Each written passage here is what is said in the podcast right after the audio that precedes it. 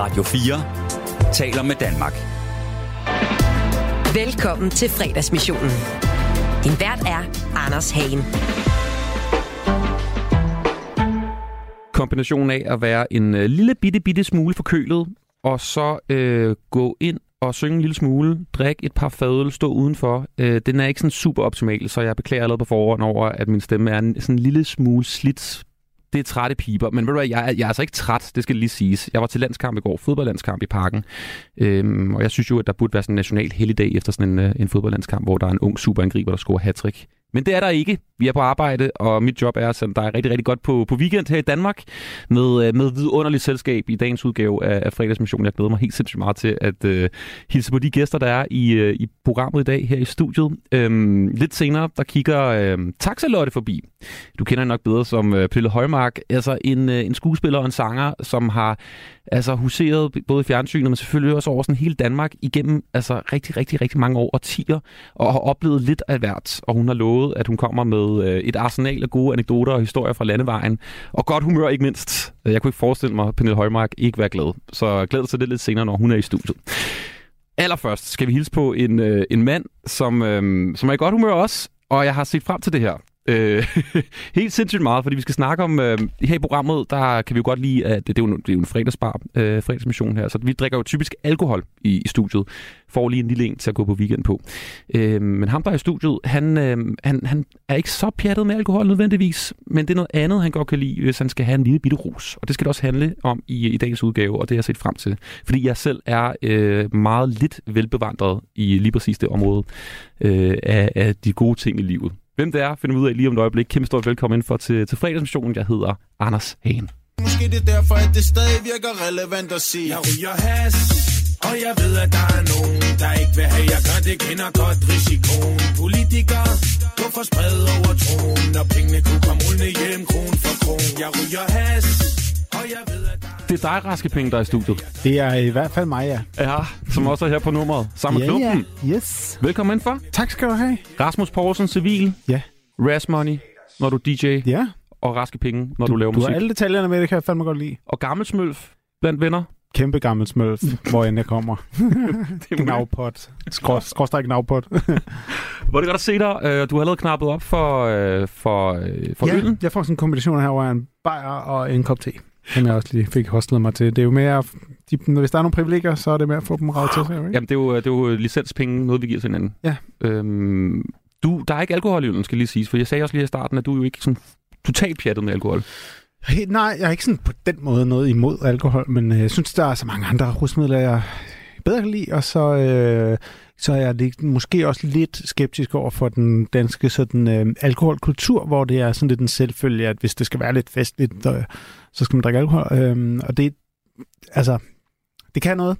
Det kan det helt klart, men jeg, jeg, for mig fungerer det bedre øh, og øh, vælge alkohol til en gang i sjældent, lidt sjældent gang imellem. Mm. Det, det kan jeg sådan bedre, virkelig bedre. Jeg kan bare bedre lide. Jeg, vi, kunne også have drukket en... Jeg var faktisk lige ved at spørge om en, Dark and Stormy, Uh, som også også er en drink, og den smager jo godt, og jeg er jo nemlig... Jeg drikker sådan set alkohol igen øh, efter en lang pause, men, øh, men så tænkte jeg bare, "Mm, jeg har ikke lyst til at tage hjem og putte børnene og have... Jeg kan ikke sagtens mærke en drink, og, og jeg, har ikke, jeg har ikke så meget lyst til den der følelse lige i dag. Jeg synes bare lige apropos børn, jeg synes faktisk, at jeg er lidt bedre til at lege med mine børn, når jeg lige har fået en enkelt lille, bare en enkelt lille øl. Ja, sådan har jeg det med dem af. Det var en vildhed. Okay. Hey, øh, Raske Penge, hvad er din øh, fredagsmission i dag egentlig? Hvad skal du sådan i mål med? Jamen det her, det er sidste... Ej, jeg har lidt med kom på... Der er lidt kontorarbejde på vejen hjem, og så skal jeg hjem og have det sådan familieagtigt. Fredagstamtap. Ligesom hver fucking aften, stort set. Er du stor, er du stor, fordi det kan du, altså, jeg har også små børn. Weekenden, ikke? I gamle dage, der var det jo, altså det vildeste jo. Ja. Sådan en fredag her, det var den, den der følelse fredag eftermiddag, det var det fedeste. Ja. Nu er det jo, det er jo stadig fedt fredag eftermiddag, ja. ja. men du skal lave planer i weekenden ja. jo for dine børn. Ja, det, weekenden er klart mere krævende, krævende end, end hverdagen. Eller Det- der er ligesom hele tiden travlt bare på en eller anden måde. Ubundhørende måde. Men er det ikke mere sindssygt weekend? Jeg synes det der med, at man skal... Jo. Altså, Jo, weekend og ferie er jo virkelig øh, hårdt. det er jo også dejligt, jo. og Det er rart at være sammen med sin... Det jeg kan godt lide at Ja. være sammen med familien. Ej, ja, men, altså, men, men det, er, øh, det er ikke så afslappende, sådan dengang, hvor man, hvor man ikke sådan skulle så meget. Og... Men jeg synes nu stadig, fredag eftermiddag har en eller anden øh, energi. Mm. Jeg kan stadig mærke det. Altså, sådan også bare udenfor, der er et eller andet, og der er sådan en sidren Ja. om fredagen. Så det er også, vi begynder nu her i slutningen af marts, så begynder foråret, ikke? Så ja, der, der sker noget helt sindssygt. Skruet meget op for den. Øh, Raske, du er vokset op i Vestbjerg, som Ja, er en soveby, Ja, 10 det er. km nord for, for Aalborg. Men nu er du jo ærkekøbenhavner, altså du har lavet musik om Nordvest-kvarteret. Yes. Øh, det her måske den sidste bastion af sådan det gamle arbejderområde i Københavnstrup, ikke? Ja, jeg tror, der er nogle steder ude på Amager, der også er rimelig Ja, det er rigtigt. true stadigvæk. Øhm, men for 10 år siden, så var det nok der, hvor, at, øh, fordi du har været sådan kendt øh, ansigt i, øh, i musikmiljøet i rigtig, rigtig mange år. Du har også arbejdet som journalist og alt muligt, ikke? Men for 10 år siden, så var det ligesom der, hvor du, du blev mus- musiker, og du fik Ja. et store, kæmpe hit. Mm. Faxe Kondi selvfølgelig, ikke? Mm. Øh, faret alle af bordet. Tjener du egentlig stadig penge på det nummer? Her, nu her i 2023? Ja, det gør jeg vel. Der er jo lidt gode penge nu, der er. Ja, ja, der, der er der lidt. Okay. Øh, altså, men hvad, har- hvad har du fået med Faxe? Hvad med Faxe Kondi, altså sådan firmaet? Har du fået noget på dem? Øh, ikke i stor stil, altså. Øh, de, de, øh, de var...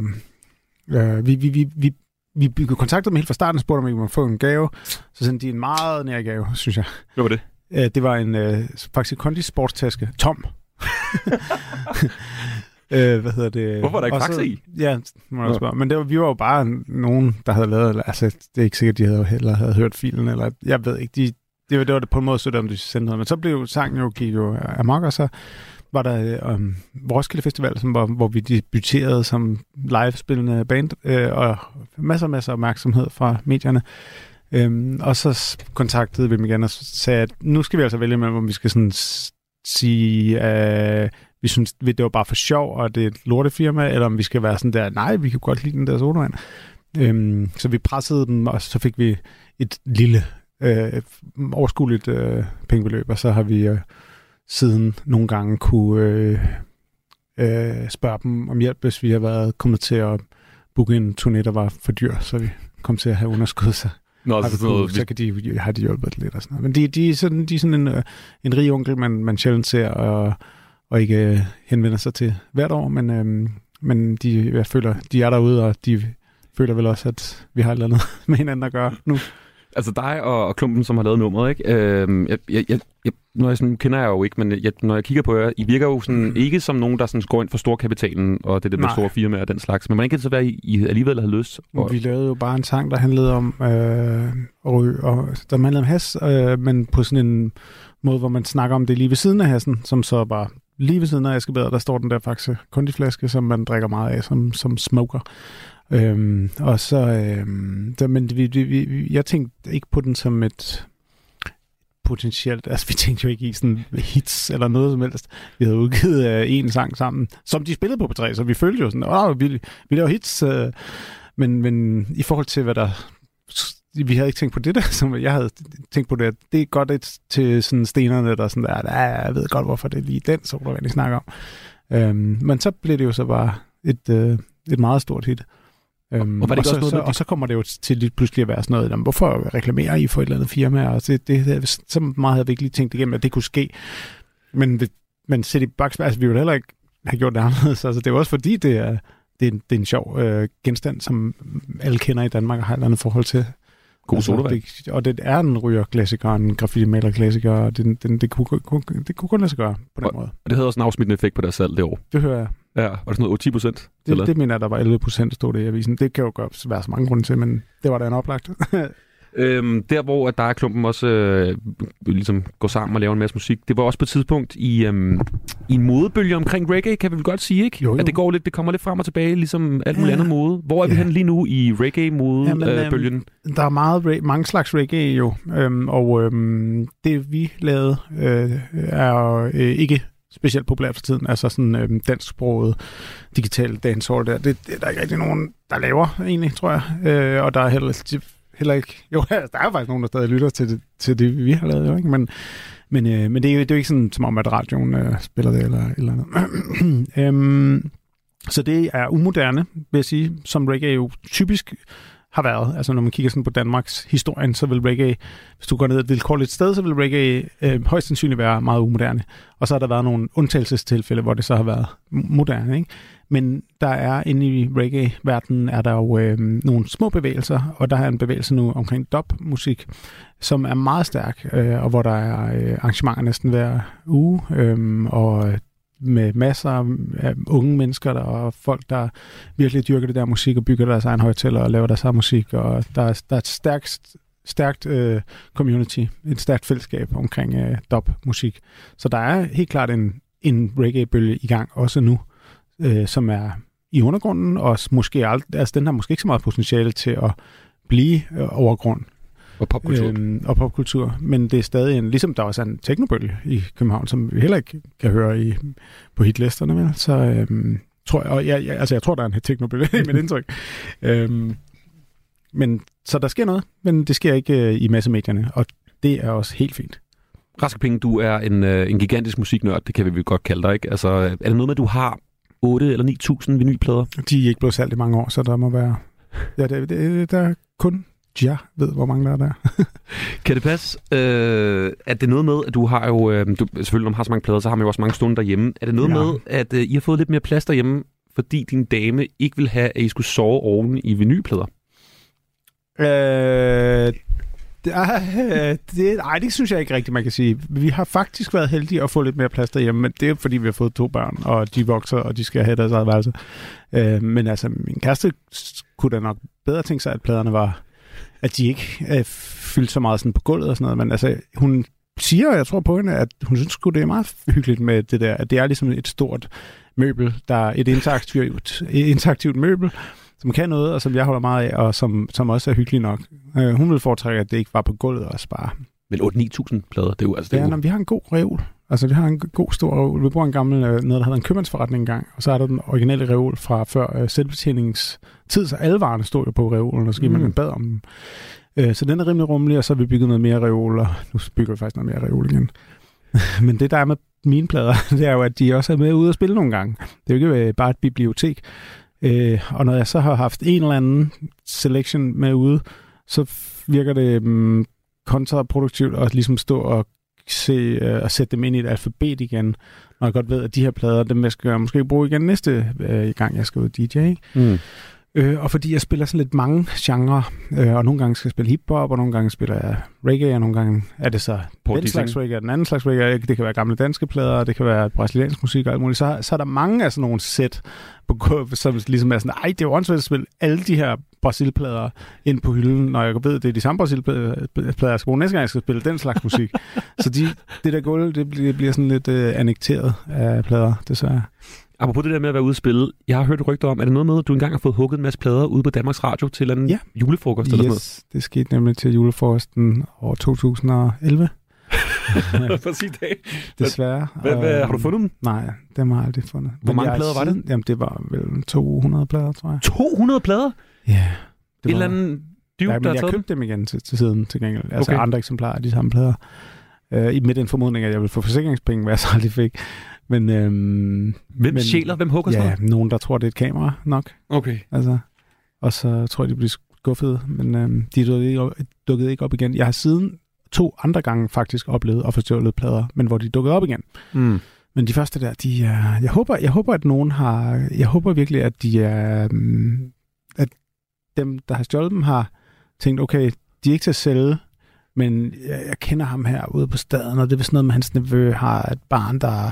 Jeg, jeg håber, de ligesom står hjemme hos en eller anden, Bliver brugt. der, der har glædet dem. Ja, Ja, de ikke er blevet kastet på en eller anden meget, hvis de, hvis de bare røget i vandet eller noget. Øh, Raske Penge, der er også mange, der forbinder dig ud over øh, Faxe Kondi og musik og den slags med selvfølgelig din åbne kærlighed til hash. Ikke? Mhm. Øh, om, og din kamp om at få det legaliseret. Ja, tak. Du er måske en af de sådan, frontrunners på det, forkæmperne. Øh, hvor ofte bliver du egentlig stoppet af politiet og lige sådan tjekket, om du har noget i lommerne? Fordi jeg forestiller mig, at politiet ved jo også godt, der går Raske Penge, ham der, han Ja. ryger rigtig meget. Altså, de har ikke kigget i de der lommer, siden øhm, ungeren blev ryddet, altså. Seriøst? ja. Det er lidt dumt af dem. Ja, nej, det ved jeg ikke. Ja, det, altså, der er så mange, man kunne kigge i lommerne, kan man sige. Men, Har du altså, noget på dig nu? Ja, selvfølgelig har jeg det. Når du har simpelthen altid Eller ikke selvfølgelig, men jeg har da, ja, det, det har jeg. Mm. Ikke i de her lommer, men så er de et andet sted på min, de, de ting, jeg har med. Hvad hedder det? Um, men altså, man bliver jo ikke tjekket særlig meget som, øh, som øh, ved man. Altså, sådan er det jo. Mm. Øhm, det er jo nok også det, der spiller ind. Så kan man godt være raske penge oveni, og stadig ikke engang blive tjekket. Er det ikke utroligt? Jo, jeg synes, det er ret vildt. Fordi mange mennesker med mørkere, mørkere hud, de øh, bliver jo tjekket. Altså hele tiden. Mm. Øhm, og det er jo også derfor, man ser, det ser man jo i rigtig mange lande, at, øh, at øh, menneske, mennesker med, med hudfarve øh, er meget overrepræsenteret i fængsler og sådan noget i forbindelse med, med stof. Mm. Øh, men, men stofbrug er lige lidt fordelt imellem ligesom racerne. Ikke? Så det er jo bare fordi, man tjekker nogens lommer oftere end andre. Jeg tænker også, øh, når du er sådan en, øhm, en ambassadør for legalisering, så er der vel også mange typer, der kommer over til dig og siger, hey, skal, du skal lige prøve at ryge det her. Du skal lige prøve at smage Ja. det her og Ja. dufte til det og sådan noget. Er det ikke sådan... Er der, er der mange, altså også på gaden? Hey, rask, Ja, ikke så tit sådan på gaden, men, men tit sådan, hvis man er ude at spille og i en eller anden by og sådan noget, så er der nogen sådan, ja, jeg dyrker det her selv og sådan noget. Og så får man en gave. Er det fedt? Det, det er super fedt. Det kan jeg da elske det. Især når det er noget, folk selv har lavet. Der er også nogen, der selv laver hash jo. Og, Ja. og det er lidt af et, et håndværk, og det kan være virkelig, virkelig godt, sådan noget hjemmelavet hash. Øh, og det er jo sjovt. Altså, det er jo bare den hyggelige, øh, få sådan en lille hemmelig gave af folk. Det, det, det kan jeg godt lide. Klart. Vi skal snakke lidt mere om din, øh, din egen øh, nye Bix. Kan vi jo stadig godt sige, den er ny. Ikke? Den er snart tre år gammel. Øhm, lige om et øjeblik. Øh, bare lige til sidst, øh, Raske. Hvad kalder dine børn der egentlig? Kalder de, altså udover at kalde dig far, men kalder de dig også Raske Penge nogle gange? Øh, De kalder mig rasser. Nå. Det er meget det, jeg hedder derhjemme. Og så hvis min ældste søn virkelig skal drille, og vi sådan er ude et eller andet sted, så kan han godt finde på sådan at sige, øh, raske penge. Øh, men rasser, det er det, det er det, de kalder mig. Rasser, velkommen for til fredagsmission. Tak. Du lytter til fredagsmissionen på Radio 4. Du er jo en uh, businessman, Raske Penge, en uh, entrepreneur. Uh, du har jo din egen hamforretning Ja, det har jeg. med uh, simpelthen industrihamp. Jeg sidder med det lige her. Ja, jeg kan har se. dynamit. Åh, du har købt en dynamitten der. Så har du købt den i en fysisk butik, kan jeg se på det ene. THC 0,07 procent står der bagpå. Det kan godt passe. Øh, og når jeg åbner det, jeg har jo faktisk, jeg ved jo godt, at du ikke må sige, at det er til indtag. Det står også på pakken. Du må ikke indtage det her. Ja. Øh, men jeg har jo faktisk lige prøvet at indtage lidt af det. Okay. Det Bare kan min, jeg jo altså, ikke på, nej, nej, præcis. Og nu dufter jeg også til det, og det dufter jo øh, simpelthen af, af weed. Ja. Øh, det gør det. Altså God af weed, hash. jo, ikke? jo, det må man sige. Altså, det dufter godt. Ja, Øh, det synes jeg altså også. Men når jeg, når jeg ser det her, så tænker jeg jo, hvordan kan du sælge det her? Hvordan kan du, raske penge, Altså, hvordan til? jeg kan gå af med det, når nu det er så godt. ja, præcis. Nej, hvordan kan du have lov til? Hvor, hvordan kan, jamen, hvordan, det er jo det der med, at øh, THC er forbudt, øh, som er det euforiserende stof i cannabisplanten. Øhm, i, og i gamle dage, så valgte man så at forbyde hele planten. Det har man så lavet om for nogle år siden til, at det kun er THC, der er forbudt. Og øh, det betyder jo så, at hvis du så kan dyrke nogle planter, hvor der er ganske lidt THC i, så, øhm, så, er, der ikke, så er det ikke øh, omfattet af øhm, bekendtgørelse om euforiserende stoffer. Og så er, det jo, så er der jo ikke nogen... Altså, så er det jo sådan set lovligt, fordi det er jo ikke forbudt. Var det fordi politikerne ikke har fået øje på det her nu? Eller fordi, Nej, altså det, det er jo også fordi, det bliver jo mere og mere absurd at forbyde. Altså skulle man så forbyde noget, fordi det ligner noget, der er jo... Altså det i forvejen er cannabis forbudt, uden at det er særlig skadeligt. Øhm, men bare fordi man kan blive... Øh, øh, fordi det er euforiserende, hvilket mm. jo er ret absurd, at det er... Det, det, er jo, det, er jo, det er jo ikke... Vi har jo ikke lov om farlige stoffer. Vi har lov om euforiserende stoffer, hvor alle, næsten alle stoffer, der er euforiserende, står på som om det var farligt i sig selv, at noget var euforiserende. Øhm, men det her er så ovenikøbet ikke engang euforiserende. Men det ligner noget, der er det. Altså, så begynder det virkelig at være en, en lang, mærkelig forklaring, man skulle have, hvis man skulle argumentere for, at det også skal være forbudt, ikke? Mm.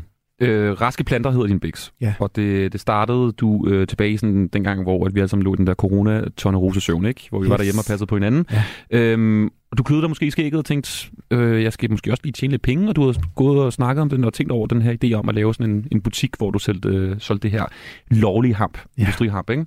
Øhm, har politiet egentlig været bank på endnu?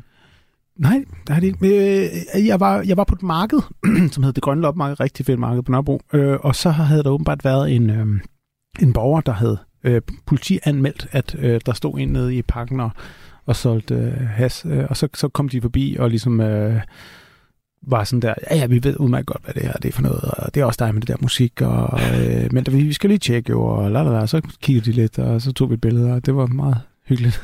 men de var meget sådan, lod mig virkelig vide, at de vidste godt, hvad det der drejede sig om.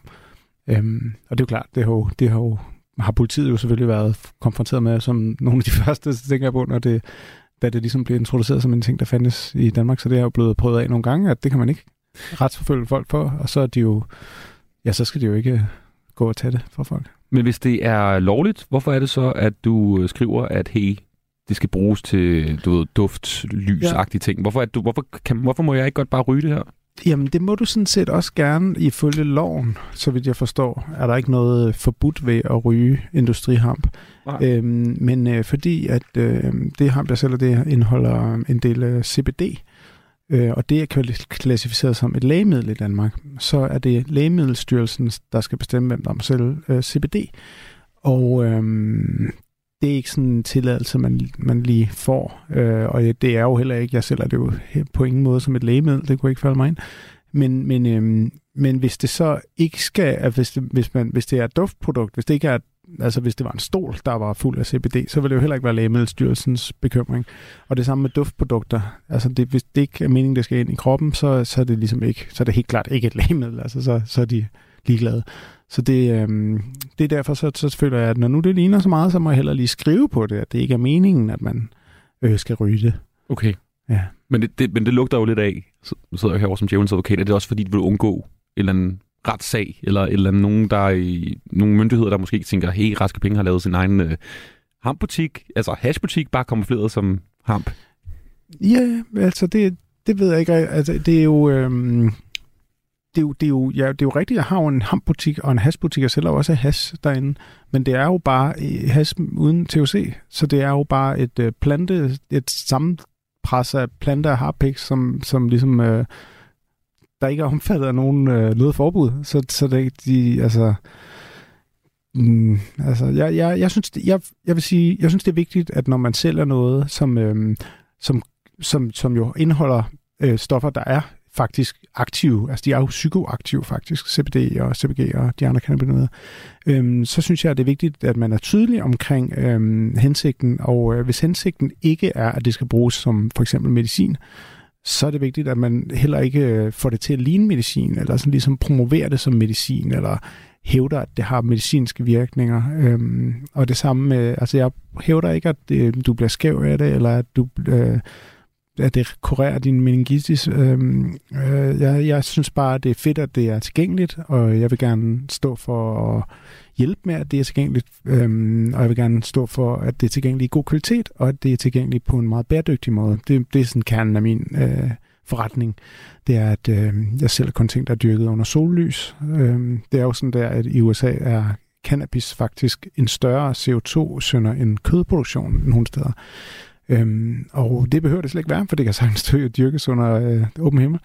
Øhm, mange steder i Europa, også i Nordamerika. Øhm, så det, det slår jeg på trummen for, at det, det, øh, det er den slags, øh, vi skal have tilgængeligt. Og så synes jeg, det er fedt at, det er og vigtigt, at, øh, at man, øh, når man kan, så står frem og ligesom står ved, at jamen, jeg har med den her plante at gøre, og det, den er vigtig for mig, og det vil jeg gerne insistere på min ret til, og jeg vil gerne have, at alle kan se det fordi at øh, dem, der går og har brug for cannabis som medicin, og ikke kan få det af lægen eller et eller andet, så er det som om, så kan de ret, ret ryggen lidt mere, og ikke gemme sig helt så meget, fordi det er, der er jo ikke nogen skam i at, at have med has og cannabis at gøre, om det er medicin, eller om det bare er en rask person, der godt kan lide øh, at have det på den måde, man, man får det af cannabis. Det er jo enhver voksens øh, eget ansvar, hvad man bruger sin krop til. Mm. Og, øh, og der føler jeg, at det, der er en kamp derhen til, hvor, hvor lovgivningen også er på den måde, men, men jeg føler, det er ligesom øh, have at gøre med cannabis på de måder, man kan lovligt, er vigtigt at gøre som en del af kampen. Og din butik, Raske Planter, yes. er det egentlig også lidt et måske bud på, hvordan, hvis vi på et eller andet tidspunkt legaliserer hash, cannabis i Danmark, så kunne din Bix være et bud på, hvordan det skulle være? Det er præcis øh, grunden til, at jeg gør det på den måde, jeg gør det på. Nemlig, Totalt løvens hulagtigt det her jo. Ja, ja jamen det, er, det er faktisk for at vise en model for, jamen jeg synes, mærkningen skal være sådan her. Øh, for man kan jo sige, hvis du ikke skal indtage det, så er det jo komplet lige meget, hvor meget CBD og THC og sådan noget der er i. Men jeg synes, det er vigtigt at vise, at man har en model for, hvordan sådan noget øh, kunne forhandles i et lovligt regime. Øhm, og der vil det jo være de samme ting, der gjorde sig gældende med, med, med, med altså, gennemsigtighed i forhold til øh, analyseresultater, man kan se på, på min webshop. Der kan man se øhm, analyseresultater af alle produkterne, så man kan se, at man altså har et certificeret laboratorium, øh, øh, der på den her dato har analyseret det, du kan se på det her billede inde på analyseresultatet, og det er, hvad de fandt, at der var i. Og det er jo et stærkt argument i forhold til, hvis øhm, politiet skulle betvivle, at det, man har i sin pose, er, er lovligt. Så, så er der ligesom en, noget, man kan henvise til.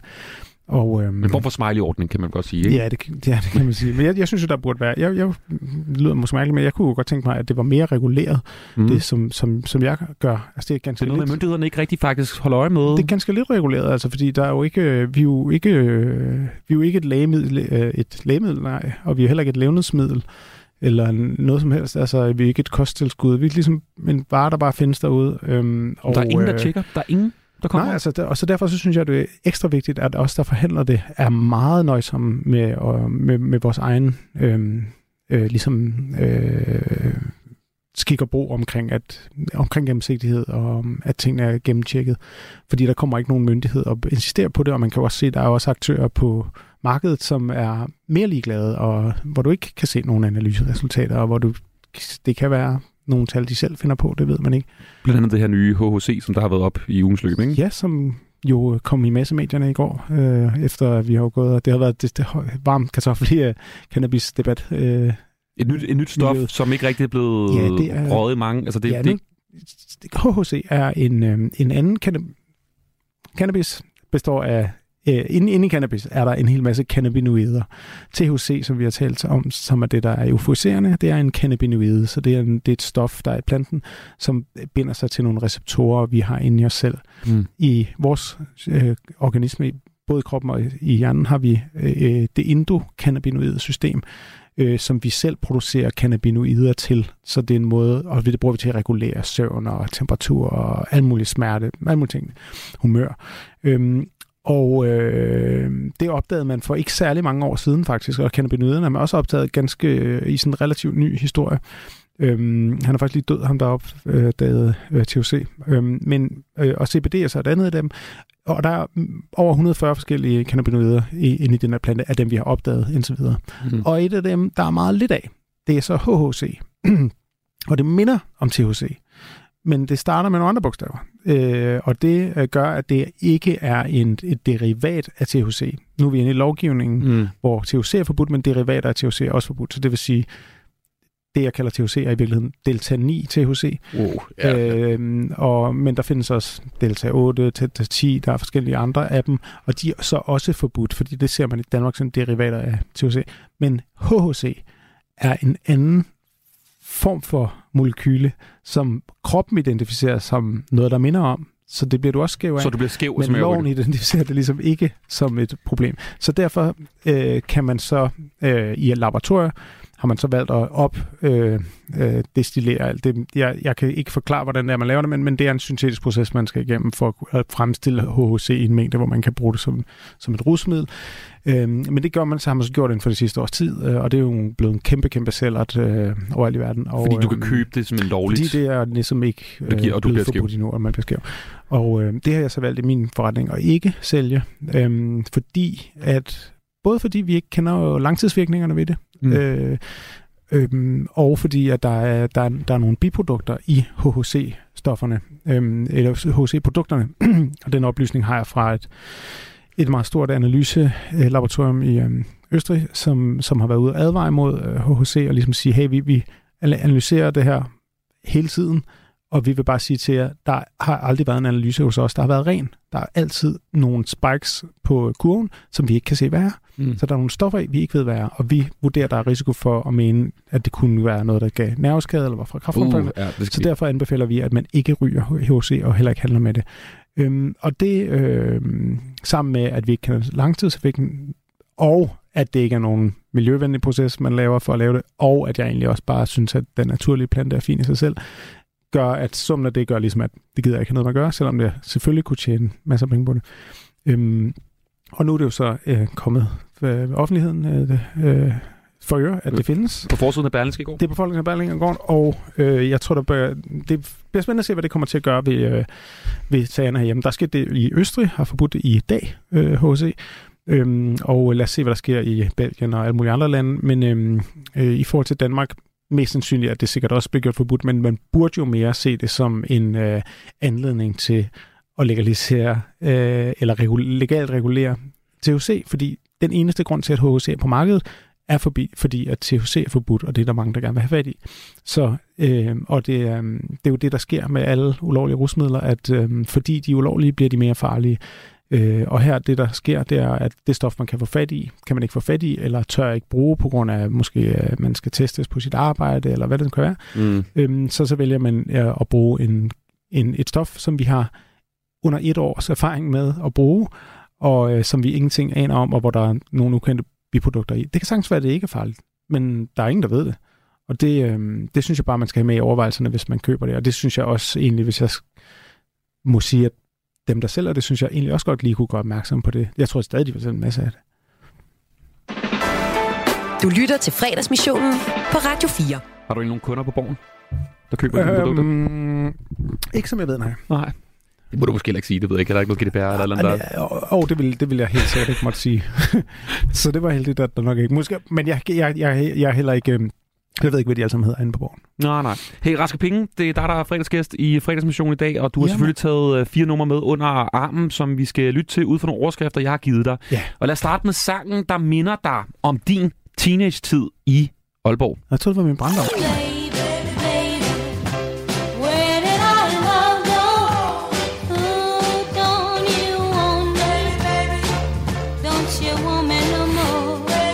Ja, tidlig teenage-tid. Ja, ej, men øh, altså, jeg skulle lige til at lede efter sms'en. Jeg er altså rimelig sikker på, at du bad mig finde tanker minder om min barndom, for den minder mig okay, ikke nok. om min teenage-tid. Nej, der, der, var, det var noget andet. En anden genre, forestiller Det var noget helt andet, ja. Men det her, det er jo ikke raske penge-lyden, øh, synes jeg. Nej, det, den var fandtes ikke dengang.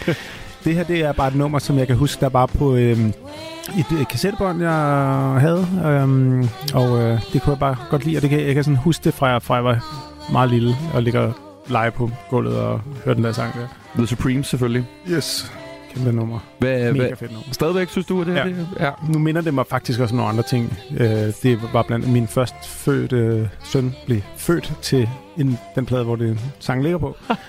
så hvad hedder det... Øh, der er andre associationer. Du var DJ til, til, til fødslen? Ja, ja. Vi kørte der hjemmefødsel med godt skruet op for pladespillerne. Altså. Stærkt. Hvad, hvad var der ud over Supremes?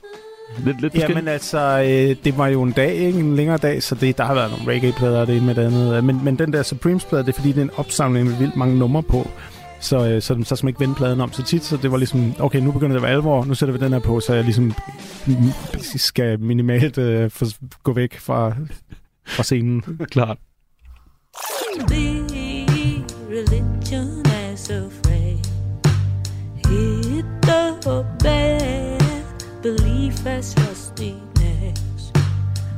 Humming as the song Live song And the glory Rask Penge, hvad lytter vi til her?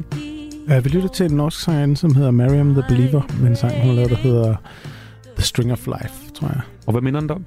Det minder mig om min kæreste Camilla, som uh, du bad mig at finde en sang, der uh, mindede mig om min yndlingsperson. Mm. Og det er, det er jo hende. Og uh, det er en sang, hun har opdaget, og som hun øh, holder meget af, som jeg har lært at kende igennem hende. Og jeg har også været til koncert med, med hende der, der synger den. Og jeg synes, det er et totalt stærkt... Øh, jeg har opfattet det som meget sådan, psykedelisk nummer, faktisk. Det handler ligesom om um, øhm, tråd, altså the string of everything. Altså det er sådan ligesom Øh, altet, øh, livet-agtigt, tror jeg. Jeg har ikke sådan været analyseret til, For mig der er det sådan, det er et virkelig stærkt og livsagtigt og naturforbundet øh, nummer, som både minder mig om Camilla, fordi det er hende, der har introduceret det, men også øh, lidt fordi, at hun er øh, en, der for mig har meget sådan med ligesom livet at gøre, øh, i forhold til, at vi har, jamen vi er jo vi er sammen i vores hverdag, det er hende, jeg ser øh, mest af alle. Og, øh, og vi har skabt nyt liv sammen med nogle børn, og vi, vi kommer jo forhåbentlig til at være sammen øh, al den tid, vi er i live. Øhm, og der er, det er sådan, så det er ligesom en, det er også en tråd, der binder mit liv lidt sammen. Jeg har jo et meget øh, fragmenteret liv, kan man godt sige på nogle punkter med, at jeg både så har jeg min hambutik og mit musik, og jeg har også et pladselskab, og jeg har også en DJ-virksomhed, og de der børn, og der, der er bare vildt mange sådan, øhm, øh, ting og sager, jeg gerne vil. Øhm, og ikke så meget en rutine hver dag. Øhm, så Camilla er ligesom det et meget sådan samlende mm, knudepunkt i øh, mit liv. Skud til Camilla. Kæmpe skud til Camilla. Love you. Want, want. Drinking, one girl and. Only girl I want, only mass I want. Only rum I drinking, one girl and start to chant. Og hvis du skal have raske penge ud på floor, så er det det nummer. Det kunne være en stærk kandidat til... Jeg er jo ikke så meget en floor man, faktisk. Du slår mig heller ikke som en, der sådan... Nej. Øh, Men jeg kan, jeg, jeg kan øh, jab jab genren her, som vi, det her det er et godt eksempel på. Det, det, det, jeg kan, det er svært at stille til det musik, altså. Det er stærk musik. Laverman. Lavaman hedder han, ja. Job not working. Ja, Job Not Working on Juvit. Øhm, nu skulle jeg passe på, at jeg ikke øhm, siger noget, der ikke helt passer, men det Job Job genren, som vi lytter til nu, er en genre fra øh, en ø, der hedder Granada i Karibien, som hænger sammen med deres karnevalstradition, hvor man i karnevalet har en, et segment, som er det dæmoniske, øh, som hedder Job. Øhm, som er, så dem, der er går i den del af karnevalet, de øh, smører sig ind i olie og har horn på, og kan godt finde på at slæbe et eller andet øh, barnedukke i en kæde, eller en, en, Okay, en, en, en, en sådan børne øh, kiste, eller sådan noget rigtig, sådan rigtig, rigtig grimy. Rigtig sådan alt det onde, forfærdelige, det skal man ligesom øh, holde sig på god fod med, tror jeg, tanken er mm. Så Jab Jab musikken, der så afspejler den kultur, øh, er også sådan, det er en meget dyster udgave af soca-musikken, som er den store fællesnævner i de karibiske øer, eller mange af dem. Øh, så det er sådan ligesom, det har, det har opskruet tempo, energien fra soca, men, sam- men samtidig så er det ligesom mørkt og dystert, og så er det fuld af humor også, og, og det er sjovt og så videre. Og, den her, og så har de en dag, som hedder Juvit, som er en del af karnevals... Altså det her, der er, en- der er Mars, og der er, der, der er nogle, men der er ligesom en dag, som er Juvit, og, øhm, og hvis man er sådan en job, så holder man fri på Juvit. Så job not working in Juvit. Det er derfor noget, som jeg forstår.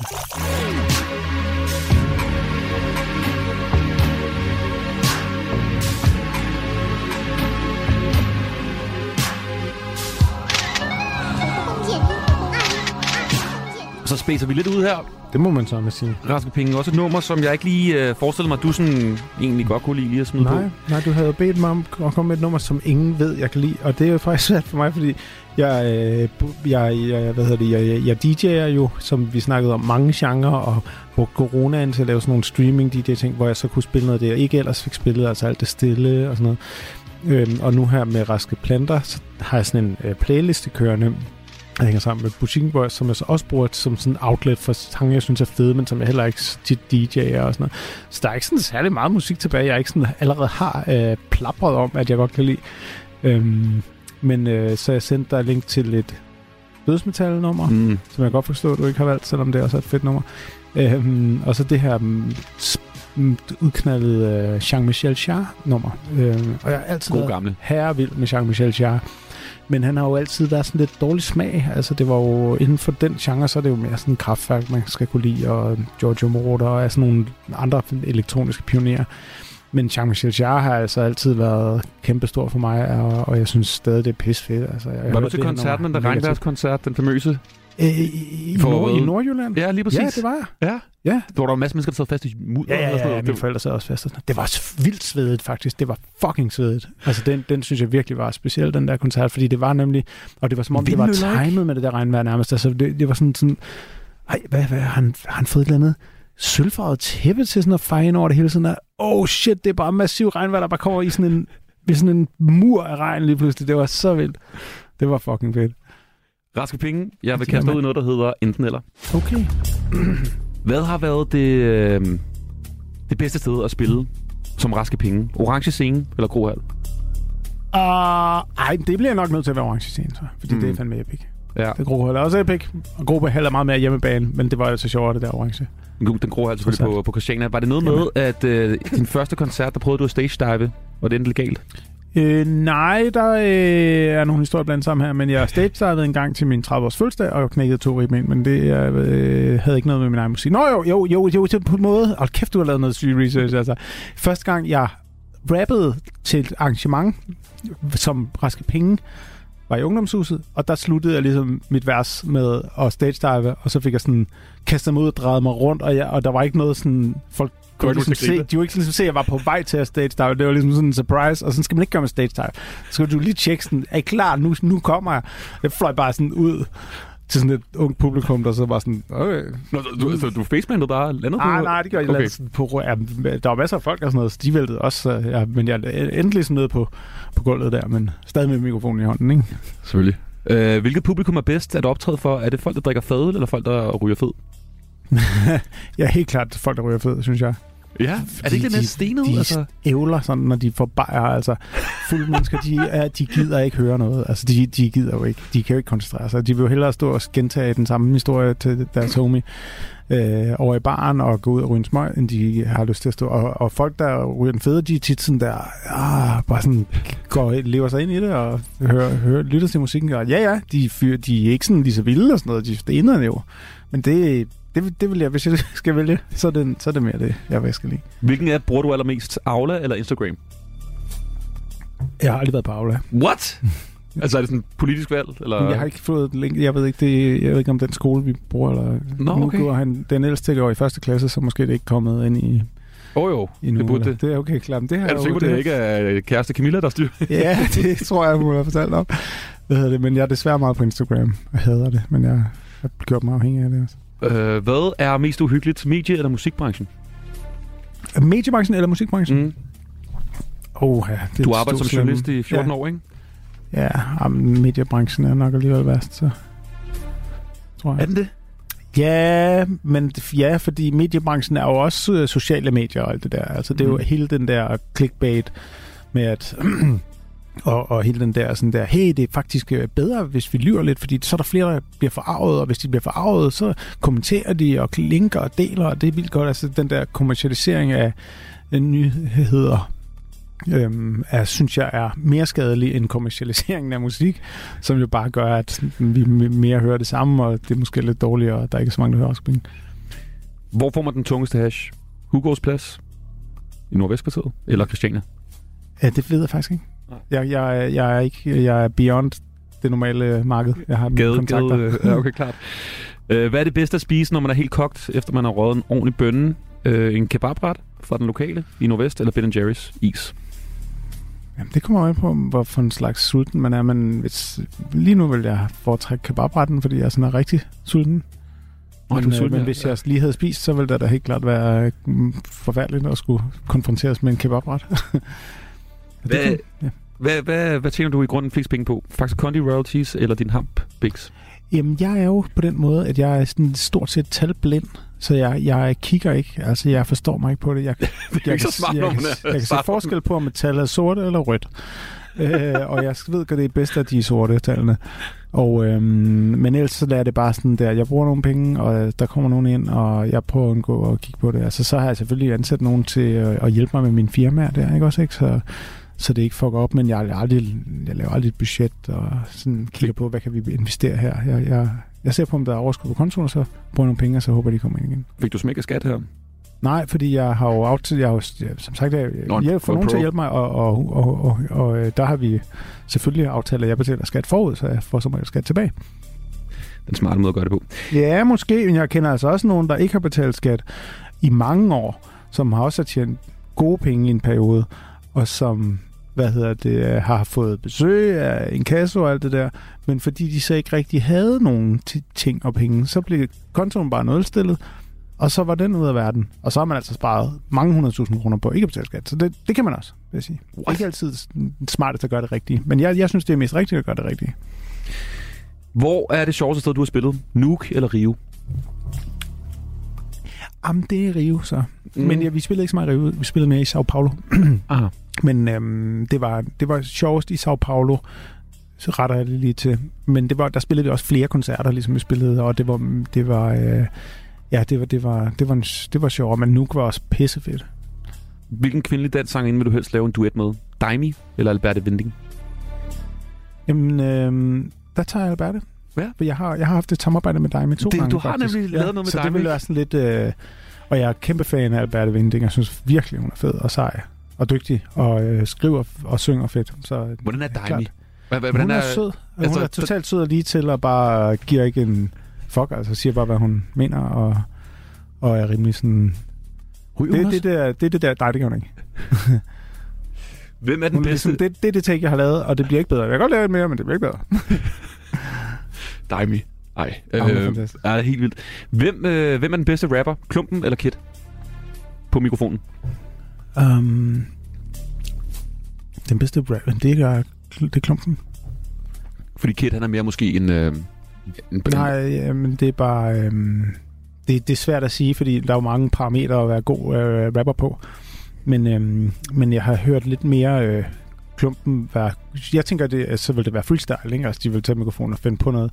Og der har jeg bare der har jeg hørt klumpen være sjov flere gange, jeg har hørt øh, Kid være, være det, ikke? Men det kan sagtens være, at han er bedre til det. Jeg har bare ikke været det. Hvem vil du helst ryge en bong med? Morten Messerschmidt eller Inger Støjberg? Åh, oh, Jesus Christ. Jamen, øhm, jamen, så tager jeg vel Inger den her gang, fordi jeg har været sådan en debat med, med Morten Messersmith en gang. Der gik jeg godt nok vred derfra. Nå, hvorfor? Jamen, fordi at jeg synes, han øh, sagde nogle, nogle... Det var, fordi vi skulle de- debattere øh, rusmiddelpolitik. Hmm. Og så synes jeg for det første, at det var strengt, at øhm, han så ligesom stiller sådan en præmis op, der hedder sådan, oh, nej, vi, vi kan ikke tale om alkohol, øhm, som er det største rusmiddel, vi har, og et af de allermest farlige, men fordi det er hans yndlingsrusmiddel åbenbart, så, så, kunne vi, så, så det kunne man ligesom ikke, det var, ikke, det var lige pludselig ikke øh, en del af debatten, og så, øhm, og så fordi den der måde, som mange politikere er, hvor de ligesom, jamen, de, er, de er jo ikke, de, de kan jo ikke sidde, og det er der ikke særlig mange, der kan, sidde og tage ansigt i, i en debat og være sådan der, ved du hvad, Måske har du ret. Det er da måske rigtigt. Ved du hvad, Jeg går lige hjem og læser op på det. Det er der ingen, der gør. Øhm, og, øhm, men men øh, øh, ja, og det, så det havde sikkert kunne ske med mange andre, men jeg blev vred over det der med, at, at, altså, sidder en person og ligesom øhm, cherrypicker nogle, øh, nogle øh, meget sådan dubiøse øh, tal for at underbygge en holdning, der hedder, at vi skal fortsætte med at gøre, øh, som vi gør. Vi skal fortsætte med det her forbudsregime, øhm, selvom der er så mange gode argumenter for, øhm, at, at vi øhm, skulle prøve noget andet. Og det, det har, der er så mange ofre for det. Altså, der er så mange mennesker, der... Øhm, Det kan være, du skal invitere med ned i din hambutik. Ja, Morten det har ikke rigtig noget med hinanden at gøre, fordi det er jo lige meget med det der hamp. Altså, det handler om, at øh, rigtige stoffer skal legalt reguleres. Så de mennesker, der har brug for at få dem, kan få dem på en, en, en, en sikker måde. Og alle os, der bare godt kan lide at bruge stoffer, også kan, øh, kan minimere øh, den risiko, vi skal udsættes for.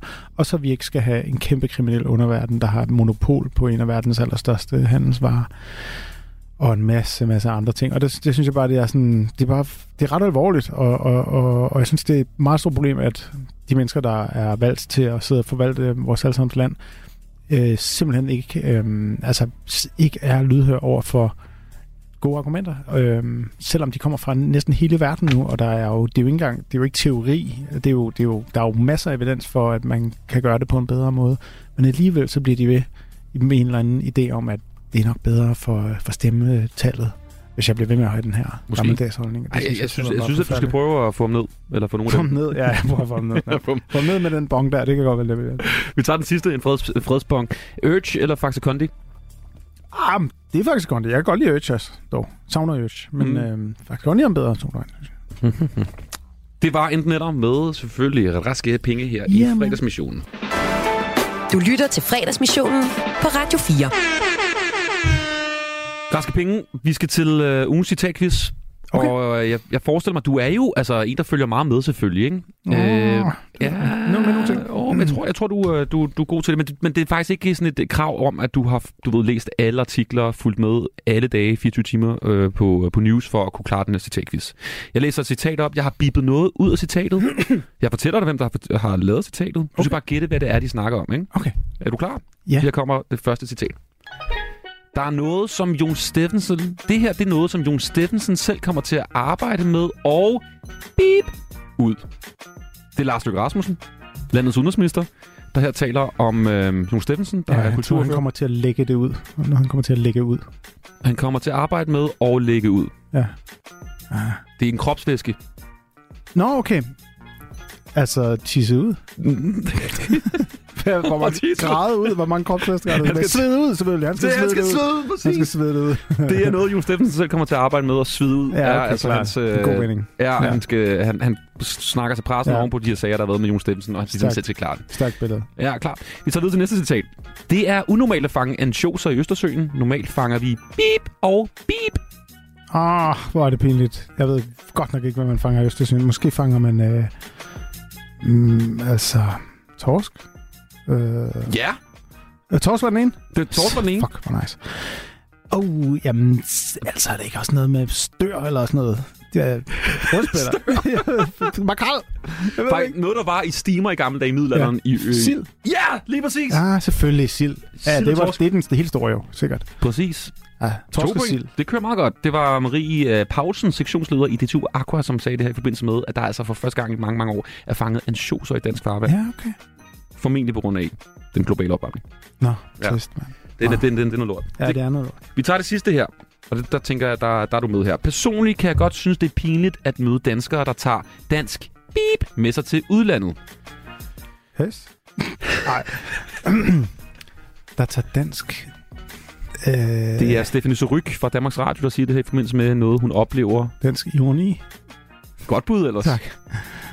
Øh, der, altså, hun synes, det er stenet, at danskere tager et eller andet med fra Danmark til udlandet. Ja, og det er måske ikke en, det Det er ikke en fysisk ting. er ikke en fysisk ting. Okay, det er mere okay. sådan en... Dansk øh, lukkethed, eller sådan Ja, og det er også meget godt bud. dansk arrogance. Der er så mange ting, vi har masser af, jo. Arrogant også. Nå, Ja, ja det er måske ikke. det er noget, Dansk, du ikke er stor, det, det, er noget, du ikke digger. Det er noget, du ikke er stor fan af. ikke noget. Dansk. Noget, vi snakker om faktisk også. Oh, hey. Jamen, altså... Kan jeg, jeg, jeg, det, det lyder som om, jeg ikke kan få mere hjælp. Er det dansk øl? Ja, det, ja, det, det er alkohol. Det er Dansk alkoholkultur. alkohol. Med sku- alkoholkultur, ja. Præcis. Så, ja, okay, ja. ja det, det, men det gør man jo. Det, man kan jo ikke tage det. Man kan ikke lade det ligge derhjemme. Hun synes simpelthen, det er pinligt, at hun møder danskere i udlandet, Der der, er tager dansk Stiv. kultur med sig. Ja, men altså, det er jo også pinligt herhjemme. Ja, du, du, ikke, du, du synes, at det er... Nej, jeg synes, det... Jeg, jeg, jeg synes, at det kunne... Der, der bare, når man går meget op i øh, rusmidler og det ene med det andet, så, så, så jeg bare hæftet mig ved, at øh, hvis du er til et arrangement, der er alkohol øh, sådan styret, så er det på en måde, og det er den måde, vi er vant til, at alting er, som er lidt med fest og musik og sådan noget, men så når man prøver at være til nogle arrangementer, der, hvor det ikke er alkohol øh, domineret, hvor folk er på, tager nogle andre rusmidler, så folk bare er så meget federe. Øhm, og ædru mennesker er også så meget federe. Og altså, det er ikke fordi, jeg har jeg gider ikke sidde og være sådan en der, nej, man må ikke drikke en bajer og sådan noget. Det, det må man gerne, men, men øh, der er, jeg synes bare, at alkohol får meget sådan særstatus også af, at sådan der, det kan man ikke komme og, og have noget imod. Og den der kampagne, Tuborg havde kørende for nylig med, sådan, no, der er ikke nogen undskyldninger. Og det er, der er virkelig, der er kæmpe gruppe, det kan jeg jo huske, for da jeg selv, selv ikke drak. Altså, der er kæmpe gruppepres Mm. på voksne mennesker, og for og, og unge selvfølgelig, for at drikke alkohol. Og, øh, og tænk, hvis der var det. Så tænk, hvis, øh, tænk, hvis man lavede en cannabis-reklame, som var sådan, nu er der ikke nogen undskyldninger, nu skal du bare suge den her bong, hvis du vil være med. Prøv at se, hvis du... Vi, vi, du kan se, at vi hygger. Vil du gerne være med? Her er bongen, sug på den. Det vil man da synes var totalt fucked up. Og det er det jo også med alkohol. Det er da totalt fucked up. Altså, øh, at det sådan, er sådan noget, vi skal Mm. øh, gøre, ikke? Men, men det er da fint, at vi har muligheden for det. Det er ikke, fordi jeg synes, det skal være forbudt overhovedet. Men øh, ja, jeg synes bare, man skal have lov at vælge frit, tror jeg. Du lytter til fredagsmissionen på Radio 4. Raske penge. Rasmus Poulsen, det har været en fornøjelse at have besøg af dig her i studiet. Øhm, du skal ud og have noget mad. Ja, hjemme og, og... med. Hjem og have noget mad. Øhm, og på, på weekends. Og øh, fornøjelse. Jeg, jeg ved ikke, altså, der står en øl foran dig. Jeg ved ikke, om vi Jamen, skal... jeg har drukket næsten det hele af den. Genialt. Der er ikke noget alkohol i. Nej, Apropos men den smager pis godt, den her. Ja, det er en af... drikker vi? Øh, jamen, vi drikker en Klaus Thaler original, non-alcoholic. Øh, dåsebajer, man kan, som jeg troede, man kun kunne købe i Irma, men som du siger, du har fundet i menu. Øhm, og øhm, jeg elsker alkoholfri øl, og jeg synes faktisk, jeg tjekker markedet rimelig godt ud. Jeg synes, jeg har smagt rigtig mange af dem. Men min gode ven og før nævnte Klumpen, Kommer der en reklame nu? han holdt en alkoholpause for nylig. Nå. En af sine sjældne. Øh, og øhm, i den forbindelse opdagede han simpelthen den her bar her, og som er, det er sgu den bedste på markedet herhjemme, vil jeg sige. Klaus Thaler, alkoholfri. Sådan, mand. Så god. Ra- Raske penge fornøjelse. Kæmpe god weekend. Hagen. Skud ud. Tak for besøget. Du lytter til fredagsmissionen på Radio 4. Lige om et øjeblik, så er der mere besøg. Dejligt selskab her i, øh, i studiet. Det er skuespiller og sangerinde Pernille Højmark, der er fredagsgæst lige om et øjeblik. Øh, glæder dig til en masse gode øh, historier, ligesom Raske Penge. Øhm, så er Pernille Højmark altså også øh, leveringsdygtig i dem lige om et øjeblik. Lige nu, så skal vi høre, hvad der sker ude i den store verden. Der er nyheder til dig her på kanalen. Klokken er nemlig 16. Radio 4 taler med Danmark. Velkommen til fredagsmissionen. Din vært er Anders Hagen. Danmarks bedste livsstilsbrevkasse er åben som altid hver fredag. Redaktør Knud Melgaard, han sidder klar dierne til, øh, til selvfølgelig at svare på de gode spørgsmål lige om et øjeblik i øh, Knud Melgaards øh, brevkasse. Du stiller spørgsmål til ham ved at skrive ind til øh, nummer 1424, og du kan altså øh, stille spørgsmål omkring alt. Knud Melgaard er klar til at svare lidt senere her i programmet. Du kan høre, der er lidt larm og det pusler i studiet. Det er fordi, det er aldrig sket før i dansk showbiz, at Raske Penge og Pernille Højmark har mødt hinanden. Det, Og de er så glade allerede. der er jo bare der er, øh, nogle fælles interesser, Ja, kan jeg det er fornemme. der også. Ja, Øh, er, er vi ude vi kan noget? godt lide joints. Altså, er, er vi i gang? Altså, er, er, er, har du prøvet at stikke noget, noget hamp til Pernille, eller? Altså, nu er det jo som sagt ikke til rygning. Nej, det er klart. Det er klart. Men, men altså, øh, jeg har da i hvert fald... Jeg har fået en lille gave. Fedt. Ej, Må jeg tage et billede sammen med dig? Jo, det må det i hvert fald, og nu har jeg hørebøffer på, så er jeg endnu smukkere end øh, ellers. der blev lavet selfies i studiet. Var det, var det genialt, det her? Raske Penge og øh, Pernille Højmark selvfølgelig. Og Højmark, velkommen indenfor til fredagsmissionen. Tak skal du have. Hvordan er fredagsstemningen hos dig? Er den øh, sådan her? Så er det fejrens time, min ven. Eller er den mere sådan her? From, hvad er du for en gang skyld selv fik lette røven?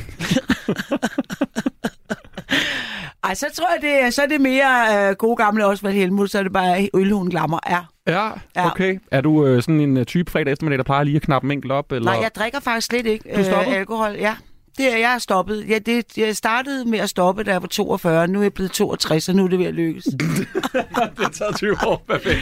Det tog 10, øh, 20 år at bremse festen. Og du har derfor heller ikke bestilt noget øh, alkoholisk. Til gengæld drikker Nej. vi noget andet. Hvad er det, vi drikker? Vi drikker øh, luderchampagne, mm. Som er dansk vand med æblemost. Det er Ja. sådan noget, man, man kan få, på, når man er en letlevende dame og skal få herrene til at bestille champagne, så kan man sidde og søge i sådan en der i stedet for selv. Er det noget, du har øh, erfaring med? Nej, det har jeg så ikke erfaring med. Nå, okay. Du, du Nej, har... har jeg prøvet, men ikke lige det. Vi ses, Raske Penge. Han går ud af døren her. God weekend. Hey, Pernille Højmark, øh, mange kender dig jo nok fra, fra sådan de store Danmarks radioserier som Taxa, som efterhånden er nogle, nogle, nogle sommer siden, ikke? Ja, det er det. Og selvfølgelig også Krøniken. Men grund til, at jeg lige synes, at vi skulle høre Taxa, det er fordi sidste fredag var Jesper Lohmann her. Nå for søren. Kæmpe ja. reunion af Taxa-castet. øh, han fortalte, at de havde nogle fuldstændig geniale fester Ja, på, men det havde vi også. på Taxa-sættet. Ja, ja, det havde vi. Jamen, det var, viste sig jo, at vi, der var samlet et hold. Altså, de 10 sådan faste spillere var, var alle sammen sådan nogle, vi går aldrig hjem typer. Mm. Så det var jo noget, det var, det kunne, der, der kunne blive festet igennem. Og det, vi holdt en, fordi vi skiftede instruktør hver tredje måned. Så vi holdt sådan en afskedsfest for instruktøren hver tredje måned. Så vi fik festet dejligt. Men der var det hele taget sådan en øh, pionerånd på taxa. Altså, vi, vi kunne godt selv mærke, at vi lavede et eller andet, som var nyt. Mm. Ikke? Ja, ja, Ja. Peter Gansler fortalte Jesper Lohmann, han sagde på sættet, det her det bliver skide godt. Ja. Det kan jeg godt lide, den der høje cigarføring. Men det tror jeg var noget, vi alle sammen følte, at vi var med i et eller andet, der var særlig herligt. Det var også første gang, man filmede med øh, tre kameraer på én gang, og det der sådan lidt håndholdt øh, action-agtige, ikke? Mm. Det var før, Synes du stadig, det holder i dag, når du ser det? det, jeg har godt nok ikke set det i mange år. Det har jeg ikke. Nå, okay. Så det, men det kunne være, at jeg skulle gå hjem og se det på et eller andet tidspunkt. Jeg synes, Ja. det, jeg synes, det er godt. Det synes jeg også, at Krøniken er, som jo muligvis er den største serie nogensinde i Danmark, i hvert fald målt på, på seerne. Jeg tror, det er et af afsnittet var Ja. den, den største. Ja, der var to millioner, over to millioner. Det var helt sindssygt, jo. Ja, helt sindssygt. Den slog Matador, men det nok ikke i folkeejet. Nej, det kan man så Nej. spekulere lidt over, øh, Ja. hvorfor.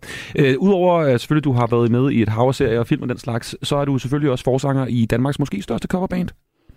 Nu er, Sweetheart, ja, så vil jeg er nødt til at rette dig, fordi Sweethearts er ikke et coverband. Åh, er det ikke nogen dansk Nej, fordi hvis du er et coverband, så spiller du versionerne så meget som muligt, som, sådan, som de lyder. Okay. Altså, et, øh, ikke, altså hvis du har øh, et øh, band, et, hvad hedder det, ja, alle mulige kopiorkestre, ikke? De spiller jo, altså så lyder de som orkestret. Ikke? Det er det, der er ambitionen på en eller anden led. Ikke? Hvor man kan sige, Sweethearts har vi jo altid... For det første er det ikke et orkester, det er mange øh, forskellige slags kunstnere, der bliver kommer under vores... Øh, kommer under vores, hvad skal vi sige det? Legesygebehandling? Mm. Mm. Nyfortolker. Nyfortolkninger, ja. Øh, der var en gang, hvor I opvarmede for Whitney Houston. Ja. Prøv lige at fortælle mig om, og også om, hvordan det var at opvarme for Whitney Houston, og hvordan blev I valgt til det? Jamen, at det, vi, var, vi var lige der, der var vi meget hurtigt. Vi, bes, vi, vi gik jo sådan ret hurtigt fra at være kult til at blive kendte. Ikke? Mm. Og øh, jeg vil sige, i København, var, hvor hun skulle spille på stadion, der var det ikke så øh, imponerende, fordi vi var de første, der skulle spille, og der i København, der var kommet, hvad, 3.000 mennesker og sådan noget. Det er ret få i forhold til, hvor stort et stadion er. Ikke? Men i, øh, så spillede hun også i Kolding, Mm og øh, der var alle øh, jyderne jo mødt op øh, til tiden, så der var pludselig, så var der altså 40.000 mennesker, og vi var, altså, altså på den måde havde vi jo ikke spillet 100 år sommer, vel? Men det var, altså, jeg tror specielt jeg, fordi jeg var så punket på det tidspunkt, bare synes, det var en fest, og vi skal da bare ind og få fyret op under de der folk. Og det gjorde vi også. Og så havde vi sådan nogle... Øh, der er sådan nogle om, omklædning, hvor Marianne og mig, hun var med dengang, så det er det var, først, det var, hun kun de første tre år, så det er rigtig lang tid siden. Men så piskede vi ud og skulle skifte tøj, og så stod der en af Whitney Houstons musikere og spurgte, uh, excuse me, what kind of music is this? Fordi han kunne godt, at godt, det var mærkeligt, men han kunne godt se, at folk dernede var med på en eller anden måde. Så måtte vi bare råbe, it's Danish pop music! Og så løb vi ind igen. Og vi delte, altså vi var inde og kigge i hendes garderobe, hvad der Åh, var. hvad var der- hvad var hvad var der derinde? Jamen det var meget artigt og meget øh, øh, sundt. Og, øh, Sorteret M&M's, eller det var der måske ikke? altså, du kan ikke huske det, men det var i hvert fald en helt anderledes rider, end vi havde inde hos os, kan Mm. man roligt sige. Ja. Jeg forestiller mig ikke, der var luderchampagne på jeres rider dengang. Nej, det var der nok ikke. Hvad drak I dengang? Vi drak, øh, vi havde altid på vores rider en, en god flaske cognac. Og den fik vi i hvert fald en af, før vi gik på. Og så har vi haft øl og vand og te og kaffe og alt det der, ikke? Ja. Mm. Har du optrådt sådan stiv, egentlig? Et par enkelte gange, ja, da den smuttede. Okay. Men det- det er ikke sjovt, og det og bandet bliver vrede, og det skal man ikke... Øh, medmindre de selv er lige så fulde, selvfølgelig. Ja, og publikum også, og selvfølgelig, de kan huske det. Hey, øhm, Pernille Højmark, det er en fornøjelse, at du er i studiet. Jeg har simpelthen glædet mig så meget. Øhm, jeg har en øh, skøn reporter her i programmet, der hedder Sille Sørensen, og hun var øhm, forbi et værtshus, morgenværtshus, formiddagsværtshus ja. I dag, for at øh, hun havde et billede af dig med, Okay. og for at høre den ærlige vurdering. For folk, det er der, man skal gå hen for at få den ærlige vurdering. Ikke? Folk, der øh, måske lige har drukket på øl. Ja. For at høre, hvad, hvad, hvad, ved, ved I, hvem hende er, og hvad forbinder I egentlig øh, billedet Pernille med. her? Yes. lad Nå, så det er hende, der skal sige noget om mig. Nej, det er folk på morgenværtshuset, der fortæller om dig. Okay. Er du klar på det? Yes, lad mig høre, hvad de siger. Pernille Højmark. Ja, hende. Ja. Hvad kan du bedst huske hende fra? Sommer og sol. det, det. Jo, det er Pernille Højmark, det der. Og det er, ja, hvad er hun hedder? Skuespillerinde og sangerinde. Jeg kan ikke huske hendes navn. Kan du genkende hende fra noget? Ja, ja, ja, ja, ja. Hun var med i Taxa, blandt andet. Og så øh, øh, optrådte hun i et band, hvor hun var sangerinde for det her band. Meget skæg. Rigtig, rigtig sprættebasse. Jamen, jeg har set hende mange gange i, i tv. Hvad siger du? Ja, ja. Ja. Det der, det er skønne Pernille Højmark. Lige præcis. Hvor genkender du hende fra? Selvfølgelig fra Taxa. Hun er en skøn kvinde. Nå, er de søde? Det var søde mennesker på vinstuen Ja, det ved. Amagerport. Hvordan ja. er det at høre det her? Jamen, det er egentlig meget rørende, synes jeg. Det er da meget hyggeligt, at de sidder der og synes, at jeg har en mening om mig. Ja, og Du har- godt kan lide mig. Du har jo også et øh, ansigt, hvor jeg tænker, alle mennesker, når de går forbi dig, tænker, dig har jeg set før. Ja, det tror jeg, jeg har. Ja. Er det ikke sindssygt syret? Øh, nej, altså jeg vil sige, at jeg er jo ret god til at være kendt. Nå. På den, forstået på den måde. Jeg kan huske det, med, da vi i starten med Taxa og Sweethearts var ude at spille, og vi gik på en eller anden gågade i en eller anden by, ikke? Så, hvor, øh, så, var de, så sagde drengen, hold kæft, for de glor bare. Nå, jamen, det er slet, ikke- jeg har slet ikke opfattet det. Så jeg går op, øh, åbenbart sådan lidt introvert at, og, og fatter og ser det ikke særlig meget.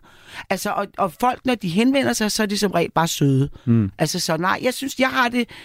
Jeg synes, det er ret nemt at være kendt, om jeg så må sige. At det er ikke noget, jeg sådan tænker over. Heller ikke, når du står i omklædningsrummet i svømmehallen, eller Nej. sådan nogle mærkelige steder, Nej. hvor folk kommer hen og kigger på dig. På sådan lidt, på sådan lidt for insisterende måske. Nu er det godt nok et stykke tid siden, jeg har stået nøgen i en svømmehal. Nå, men, øh, det skulle du tage at gøre. Det er Ja. ja. så dejligt at gå i sauna Ja, og men den slags. det er det jo, ja. Pernille Højmark, en fornøjelse, du er i studiet. Velkommen indenfor. Tak skal du have. Du lytter til fredagsmissionen på Radio 4. Det er Pernille Højmark, som er i studiet skuespiller og sanger inde her i fredagsmissionen. Øh, Pernille, du flyttede jo til Nuuk sammen med din far og storsøster, da du var 8 år gammel. Ja, og der hed det ikke Nuuk, der hed det Godt Håb. Ja, Ja. den, øh, den danske øh, version af, af selvfølgelig hovedstaden i Grønland, Nuuk. Ja. Øhm, uden din mor. Ja. Øh, prøv lige at fortælle, hvordan Nuuk så ud, eller godt håb der i slut 60'erne, da du flytter til... øh, Altså, jeg vil sige, jeg tror, vi ramte, vi, vi flyttede der til i 68, og som sagt, jeg var 8, og min søster var 10, øh, med, med vores far, og altså, på det tidspunkt var det lige der, hvor Danmark måske nok skulle skamme sig allermest over, hvad, vi har lavet deroppe, for der var vi i gang med de der kæmpe, og lave sådan nogle kæmpe betonblokke, den værste af dem alle, blok P, som jeg så boede i i øvrigt. Men altså, sådan nogle kæmpe betonblokke, som ind med jer grønlændere fra, fra bygderne, og kom i gang ned på... Øh, med, med at pille, pille nogle rejer og lave nogle fiskfiléer til os derhjemme. Ikke? Altså, og det gik jo ikke... Det var jo en udvikling, der gik alt for hurtigt. Det var jo en eller anden form for voldtægt af nogle mennesker. Altså, og det... Og ikke alene, vi kom jo også med sprutten, Mm. så det, altså, jeg vil sige, Godthåb i 1968 var virkelig et sådan, det var en byggeplads. Der var utrolig råt. Der var masser, man næsten vadede i glasskov. Altså, det var på ingen måde noget særligt rart sted at være. Det lyder jo helt sindssygt i 2023 øre, det her med at øh, bare flytte afsted øh, Ja. med, med en far. Din far og mor var jo stadig gift, der var ikke Ja, det på den måde. nej, nej. Han har fået job deroppe og skulle deroppe, og Ja. din, mor- din mor skulle have et, øh, lave noget andet her i Danmark. Ja, ja. Øh, men hvordan modtog du det? det? Det må bare have været ret vildt, tænker jeg. Altså, nu var jeg jo meget glad for min far, så jeg tror, at jeg tænkte, bare han skal med, så går det nok. Jeg tror, at min søster var mere bekymret, også for at skulle væk fra, fra vores øh, trygge øh, omgivelser, ikke? Men øh, ja, jeg tror, det var min fars ønske at få os med, Okay. Faktisk. Men det var, dengang var det vel ikke så normalt, altså det der med, Ja, men det, er ved jeg, jeg tror, det var mere normalt, end det er nu. Egentlig, altså, fordi det var jo sådan en opløsningstid der i 1968, altså det, der er jo mange ting, blev jo ligesom prøvet af, at der, der er, kan forældre være 15 mennesker i et kollektiv, eller kan de være en, altså kan de være, altså alle, der var jo meget, der var op at vende, fri sex, ikke fri sex, whatever, alting var jo ligesom oppe, og blomsterbørn, og hippie-musik, og Men vel ikke i Grønland, vel? Det var vel ikke rigtig kommet dertil? Nej, det kan du roligt regne med, det ikke var. Nej, det var barsk, det var det. Det var der, jeg lærte at slås, vil jeg sige. Var det noget med, at der var en, øh, en der blev kaldt albinoen? Du har gjort din lektier godt, var? Selvfølgelig. Selvfølgelig. Ja, der var en, altså det der også, det det ligesom resulterede i det der, øh, øh, det var, at der var ret øh, voldsom, voldsomt, altså der var ret mange følelser på spil for de grønlandske børn, fordi de kunne jo godt ligesom fornemme, at når deres forældre havde det sådan, som de havde det, så var det jo nok danskernes skyld, fordi det var dem, der var kommet og forstyrrede det helt. På en eller anden måde. Så der var i hvert fald et ret stort vrede mod danskere, og, øh, og jeg kunne sådan set godt forstå det. Men, altså, men når man er på hver sin side, så må man jo slås. Og det var sådan nogle rimelig brutale kampe med kvælertag og knytnæver og ja, Altså, øh, øh, øh, altså har du mellem fået tæsk? børnene. Jeg har både fået tæsk og givet tæsk. Okay. Og et eller andet sted, ikke, så er det jo en eller anden form for street. Jeg kan huske, øh, mange år senere, så stod jeg i, øh, var jeg i Rio med min kæreste, vi boede meget højt op i noget, der hedder Santa Teresa, og lige ved siden af, der ligger en af de meget store favelaer, som altså også en af dem, der virkelig er, er voldsomme. Og der øh, sad jeg første aften på terrassen, så sagde jeg til min kæreste, "Hov, jeg- Gud, jeg tror, der er fyrværkeri. Så sagde jeg, nej, det der, det er fem skud. Nå, så vi boede altså lige ved siden af nogen, der gik rundt og skød på hinanden. Og så næste dag, så kommer der op for den der favela, hvor jeg kommer gående lidt læ- alene. Jesper var lidt bagved. Og så begynder de bare sådan noget, hvad er så dig, din lud og et eller andet til mig, ikke? Og der kunne jeg bare mærke, at de var tre, at jeg nåede at tænke, hvis jeg tager den ene og knaller hendes hoved ned på mit knæ, så kan jeg tage bang, de to andre og knalde hovederne sammen. What? ja, men, okay. men selvfølgelig gjorde jeg det ikke, men det er jo klart, når du udstråler det, så tænker sådan tre piger også, okay, hende der, hun er, hun er en skør gringo, hende lader vi gå, ikke? Og det er på grund af din, øh, din Det tror jeg var fra ja, min, Godt min, Nuuk. øh, min øh, frygt, altså det gjorde har, eller min frygtløshed på en eller anden måde, ikke? Ja. Hvad var der med ham albinoen? Jamen det var bare, at når jeg nogle gange kom hjem alene, øh, og så var jeg bare, så han var sådan leder af et gang, han var en grønlandsk albino, Og på en eller anden måde var han bare så uhyggelig, og jeg var helt vildt bange for ham. og Altid bange for, at han stod i elevatoren, når jeg skulle køre op på 5. i blok P. Men det gjorde han gudskelov ikke. Okay. Nej. Ja, han har nok haft det svært, lyder det til. Øh, hvordan var det med, med fest og øh, bajer og alkohol i, øh, i Godt Håb Nuuk dengang? Altså man kan sige det sådan, min far, som altid har været en festoriginal, og som også tog til Grønland, fordi at han ikke rigtig kunne holde sit liv som advokat og med slips og fast arbejde og alt det der ud, og havde trængt til en eller anden form for noget andet. Men altså desværre så gik han jo lige op i øh, altså et drukmiljø, som han ikke kunne styre. Altså han blev, han, han var virkelig, øh, altså han gik til, han fandt det rigtig dårlige selskab bestående af danske embedsmænd og deres grønlandske elskerinder, og Han faldt i bassinet. der faldt han i, så det ville noget, ja. Okay, og så skulle du så som... Øh... Så skulle vi jo så prøve på en eller anden måde, hvordan klarer vi os selv, ikke? Og der vil jeg sige, at Pippi Langstrømpe virkelig kom mig til undsætning. Øh, altså, og jeg kan, man kan ikke takke Astrid Lindgren nok for på det tidspunkt at have fremskaffet en pigefigur, som ikke var en prinsesse, der ventede på prinsen, men som virkelig var en lille råb. Hun er jo meget ensom, Pippi, i virkeligheden. Hendes far er på Kurkurdutøen, og hendes mor er i himlen, så hun er faktisk en ret ensom pige, men hun forvandler sin ensomhed til, så kan jeg gøre, hvad det passer mig, til frihed og til venskab med sig selv. Og det, den, og det, det, det tror jeg, at jeg er ligesom annekteret på en eller anden måde. Og så det, altså den der kraft, der var i det, så kan man bare øh, passe sig selv og være stærk. Ikke? Øh, og så også, at hun var tingfinder, for det var jeg så også. Og jeg tror, fordi det er klart, at der var, vi var meget oppe i sådan et... Øh, altså, det har jo været sådan lidt angstgear, der har ligget hele tiden et eller andet sted. Ikke? Så, men, men at gå og finde ting, tror jeg sådan set var min form for meditation, fordi så tænkte jeg ikke, så var der lige, kom der ligesom... Hvad det? Ja, man bare går på gaden og finder ting. Alt hvad mulige ting, som folk har smidt. En ja. knap eller en lille flaske, eller mange mærkelige ting. Jeg havde to, jeg havde et helt skuffedarium fyldt med ting.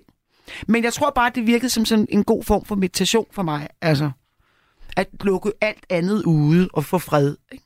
Når jeg hører sådan din historie og har læst øh, op på det, så, så kan jeg jo ikke lade mig tænke på, at det her det var jo aldrig gået i dag. Øh, måden, øh, fordi når man er 8, så er man jo, man er jo ret lille. Ja, altså, man er jo, man da- man, er, man, man er ret, lille. Ja, ja. går, går, ja. I, går i skole selvfølgelig, men det er jo ikke, altså, man kan jo ikke passe sig selv. Man har brug for en voksen, ikke?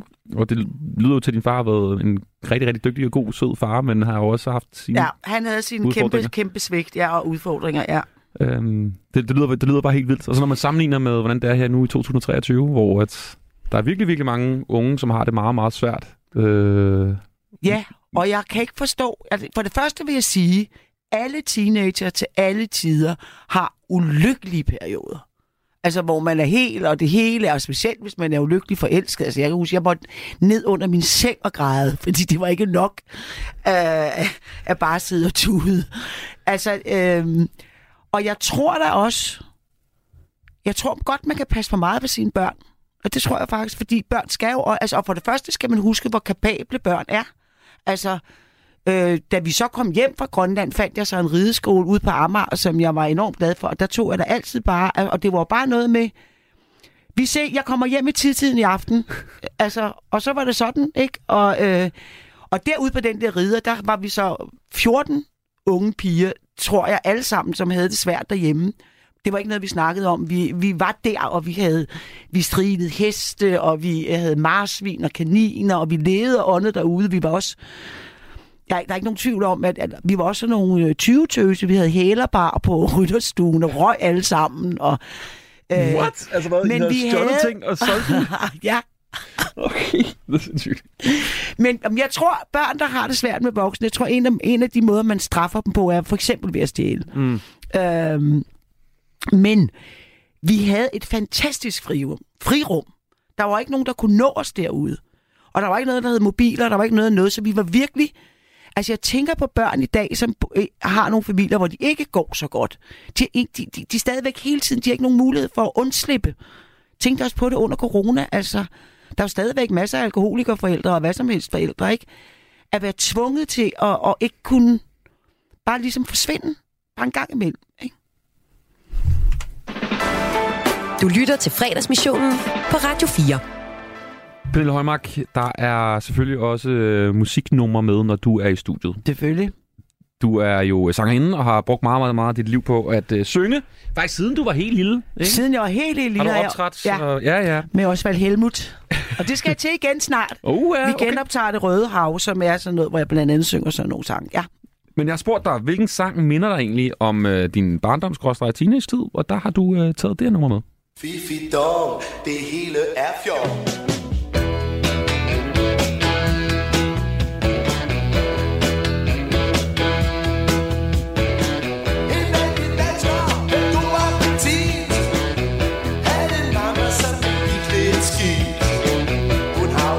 Kim Larsen og Gasolin.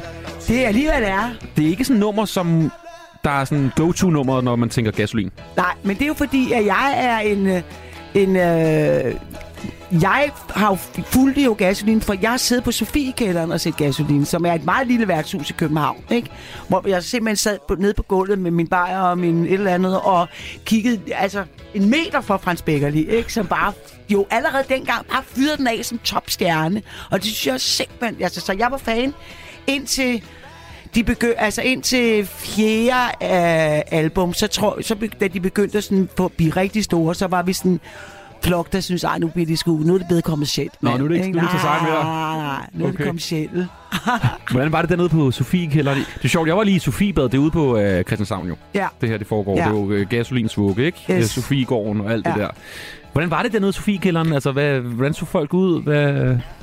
Prøv at fortælle os. Prøv at tage os med til den aften. Jamen, der var stuende fuld for det første, ikke? Og der var jo tyk, der røg, og øh, jamen, ja, ja, armitøj, øh, klapbuks, mælkedreng, klapbukser, janusskjorter, batikfarver, øh, velour, andeføddersko. var der noget, der hed også. Træskostøvler. Var free love? Altså, var Free det... love. Okay, I kyssede Og med... en- peace-tegn. I blev bollet alle sammen, Nej, I ikke nej, det? det gjorde vi faktisk Nå, okay. ikke. Nej, det gjorde vi ikke. Nå. Det synes jeg ikke, vi gjorde. Nå, det var sådan... Det var lidt sådan... Nej, okay. Nej, det synes jeg ikke, ikke, ikke, ikke det, altså, jeg er jo heller ikke hippie, jeg er flipper, eller var flipper, ikke? Hvad er altså, forskellen? Hippierne var, er 68'erne, og flipperne var den generation, der kom til 10 10-12 år efter. Mm, okay, okay. Vi går videre. Vi tager, øh, nu går vi til en sang, som, øh, som du har taget med, som altid rører dig, og det, det er Annie Lennox. They've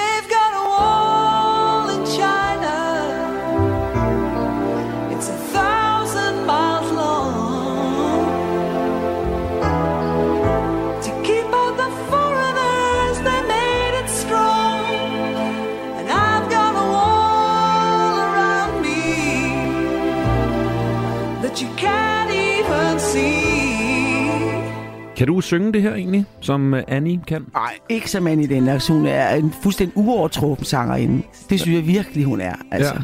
Hun er er der- fantastisk. Hvad er der med nummeret og inden her? Jamen altså, det, han- altså, for det første er der hende, ikke? og hendes utrolig lækre, smagfulde måde at synge på os. Og så, øhm, så handler den om det der med, at, øh, at man øh, kan have en mur omkring sig. Altså, at det der med kærlighed, det er noget, der skal gå langsomt, og det skal, øh, du skal tage mig varsomt, fordi det er en stor ting for mig.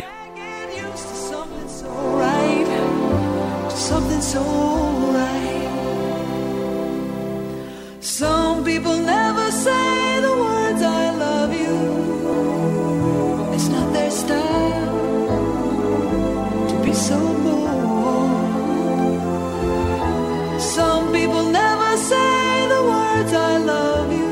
Hvem øh, tænker du på, når du hører det nummer? Jeg tænker på kærligheden, i sådan i al bred almindelighed, og mine egne sådan... Det har altid været meget stort for mig at sige, at jeg elsker dig. Ja, Okay. ja. Det var ikke noget, man sagde nede på Sofiekælderen? Ej. Nej. Mange andre ting, men ikke lige det. Jeg har aldrig rigtig dyrket Annie Lennox særlig meget. Det er synd. Ja. Heller ikke i Rhythmics. Nej, ikke rigtigt. Jo, altså Sweet Thing og alt det der, men jeg er ikke... Nej.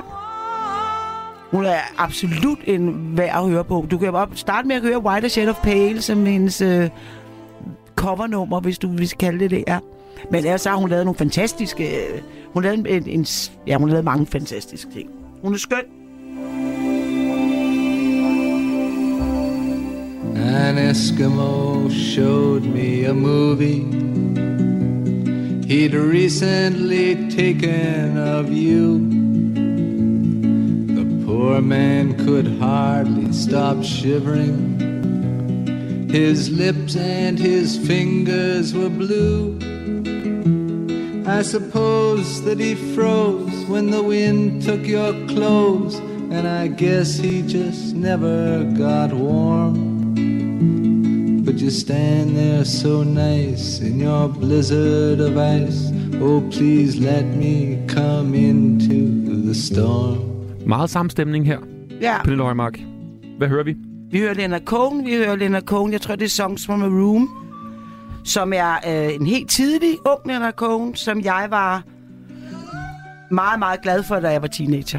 Mm. Mm. Altså jeg havde så nogle sessions, hvor jeg bare sad og drak rødvin og røg smøger og tænkte på livet og øh, hørte Leonard Cohen. Hvordan kan det være, at øh, det musik, du så har lavet med Sweethearts, det er jo ikke noget, det er jo ikke Annie Lennox og Leonard Cohen. Nej. Hvordan kan det være? Fordi at jeg... Øh, altså, jeg har jo altid haft et kæmpe festgen og en lyst til... Altså, jeg vil sige... Sweethearts opstod jo også i slutningen af 80'erne, hvor musikken var blevet meget selvhøjtidlig og meget sort. Og der, jeg vil også godt lige sige det sidste ting om Leonard Cohen, mm. at Nej, det tror folk ikke, og det er jo irriterende. Altså, jeg, og jeg vil godt lige nu sige, at jeg er, jeg er fornærmet, og det bliver hver gang, der er sådan en Leonard Cohen reunion af en eller anden art, hvor der er nogen, der hylder ham at jeg aldrig er blevet inviteret. Jeg er trods alt, tror jeg, en af de største fans i Danmark. Jeg tror, der har en, der kan flest tekster af Leonard Cohen. Nej. Jamen, den, er, den er givet videre. Den er hermed givet videre i øh, kassetænkende musikere. Mm. nu skifter vi til gengæld fuldstændig genre. Nu bliver, ja. det, nok, nu bliver det lidt sweetheart, sweetheart-agtigt. Det her det er selvfølgelig et nummer, som får dig ud på floor på dansegulvet. Yes.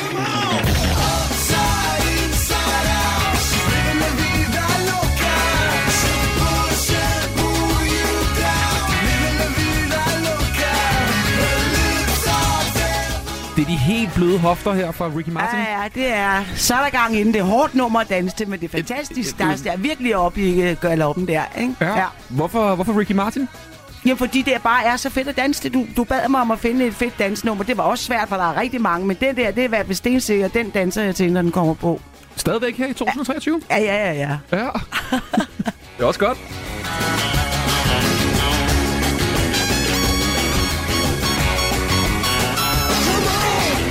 Selvfølgelig Living La Vida Loca med Ricky Martin, og det er Pernille Højmark, der er i studiet her i fredagsmissionen. Og Pernille, ja. nu skal du kastes ud i enten eller. Hvem vil du helst købe en brugt bil af? Mette Frederiksen eller Barbara Bertelsen? Mette Frederiksen. Ja? Ja, det vil jeg nok sige. Okay.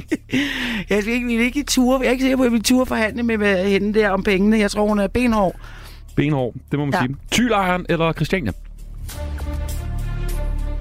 Altså, er det, snakker vi nu, eller snakker vi før i tiden? Hvad? Altså, Mm, der, hvor det var bedst. Christiania. Ja. ja. Du har jo været... Du Ja. boede jo på Tylejren i Jeg har Tylejren. været i Thylejren i 1970. Jeg er i tre uger øh, med min mor, som, da vi kom hjem fra Grønland, så tog hun også nogenlunde direkte med til Thylejren, hvor de voksne dansede nøgne i kæder til beatmusik. Øh, og, og jeg sad og tænkte, tror jeg, okay, jeg var 10 år gammel. Jeg- altså, okay, man kan slet ikke regne med de voksne. Man er nødt til at gå selv. Hvad, hvad har din mor tænkt... Altså, hvorfor skulle en 10-årig med til, til Tylejren? Altså, Jamen, der var mange børn med. Nå, hvorfor? Der var heste og børn og alt muligt. Der var heste der i togene fra København til Thy. Altså, der var jo, det, var en kæmpe, det var jo en kæmpe ting der i 1970. Mm, Ja. At man skulle simpelthen ud Ja, ja, og børnene bo. var jo ligesom med, ligesom de er i mange andre lande, hvor altså Brasilien, der er børnene jo altid med ud at danse og sådan noget, ikke? Og så når de bliver trætte, så kommer, får de en arm at hænge på, ikke? Men vi var med, altså de vi var bare med. Mm. Men, I, men I, vi passede jer selv lidt også. Vi passede os selv, og vi passede os leget sammen med alle de andre unge. Der var nogle fantastiske fiskenet og sådan noget spændt ud deroppe, man kunne ligge og, og rode rundt i. Og, ja, Har du været der siden? Det findes jo stadigvæk. jeg var der i 72 også, men ellers ikke, nej. Du har ikke været der siden 72, nej, okay. Nej. Det findes jo stadigvæk. Ja, jo. Det er men det er jo lidt en noget- helt anden... Øh, ja, ja, ja. Jeg tror, den anden vibe. Åben parforhold eller klassisk ægteskab? Klassisk ægteskab, det har jeg ikke prøvet endnu. Men du har været... Jeg har været gift med, jeg har været gift med en med Kim i 25 år. Jeg har været kæreste med Jesper i 10-12 år. Øh, øh, altså, jeg vil sige det sådan, med Kim, der var det jo sådan, at vi var så unge, og vi var så fuld af øh, alt energi og hvad som helst. Så vi, altså, så vi accepterede utroskab. Men vi, jeg havde ligesom sådan noget, du skal ikke gøre mig til handrej, og jeg vil ikke høre om det, men hvis vi skal være sammen til vi dør, så er vi jo, øh, og vi er jo 21 og 23, så er vi jo, at det, det, vi kan jo ikke gå så unysgerrige i seng. Men er det noget, du vil anbefale øh, den nye generation? Det der med at køre sådan nogle, et åbent ægteskab, hvor man så ikke bare, man, man fortæller ikke lige, hvad, hvad man laver ved siden af. Jeg vil sige, det kommer helt an på, hvad for en personlighed man har. Øhm, jeg tror ikke, Kim og mig havde været gift i 25 år, hvis vi ikke havde gjort det. Mm. Altså, fordi der er så, altså, for, men det er da hårdt. Altså, det er da hårdt, når, når han kommer hjem og siger, at han er blevet forelsket. Hvad skal vi gøre? Nå, det fortalte han. Ja, hvis vi var blevet forelsket, fortalte vi det. Okay. Blev du det i nogle andre? Ja, det blev jeg også et par gange. Hvad gør man så? Så græder man og øh, tager øh, time out, og så finder man sammen igen. Mm. Hvad, øh, hvad vil du helst vinde? Melodi Grand Prix eller Vild med Dans? Vi er vild med dans. Du var jo tæt på, jo. Jeg var tæt på, jeg fik bronze. Det er meget godt gået. Melodi Grand Prix har du også prøvet, jo. Det har jeg prøvet to gange, faktisk, ja. Mm. Sammen, var, det, var det sammen med Heik? Første gang var det, hed vi Sweet Kill and the Hildeharts. Det var også der i de der meget famøse øh, 80-90'er, ja. Øhm, og så anden gang, så havde, var det et nummer af Martin Brygman, ja. Mm. Mm. Men det lykkedes ikke. Det lykkedes ikke. Har du Ej, overvejet at gøre det nej, nej, nej. Nej, okay. Vil du sige ja eller nej til at stille op i X-Factor, hvis du var 16 år gammel? Jeg ville da prøve det. Var det, var det noget, som Nej, det Pernille vil jeg ikke se. Det tror jeg, vil- altså, det tror jeg sgu godt, jeg ville kunne forestille mig at prøve. Ja. Ja, fordi det er noget med at stå igennem og være på en stor scene og Jo, synge var det noget med at få lov at synge og få, at gå gennem hele det der. Altså, det er jo et kæmpe apparat, man får lov til at prøve af. Det er jo fantastisk. Altså, det må da være helt fantastisk at være med til. Japansk sexundervisning eller onanikursus i klovn? Japansk sexundervisning. Hvad er det for noget? Var det i Paris? Det var i Paris. Jeg boede, jeg var, sej- jeg boede alene, øh, da jeg var 16 år, fordi jeg simpelthen ikke kunne rigtig klare at være i Danmark mere. Så jeg flyttede til Paris og boede der i 6 måneder alene. Og det endte med, at jeg fik en japansk øh, kæreste. Og det var... Altså, jeg plejer at sige, når jeg holder foredrag, prøv en japaner. okay. Jamen, det var fantastisk for mig, fordi jeg var jo sådan en lille krampe på mange måder. Øh, og alt det der sov, jeg havde i kroppen, og alle de der ting. Og, og det var sådan noget, man, for det første skulle man være ren, altså overhalv alt.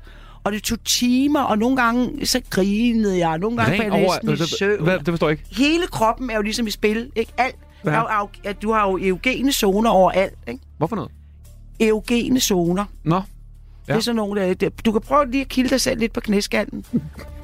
Ja, jeg er fuldstændig Kan du mærke det? Nej, jeg her, jeg er helt følelsesløs. Nej, det tror jeg ikke, du er.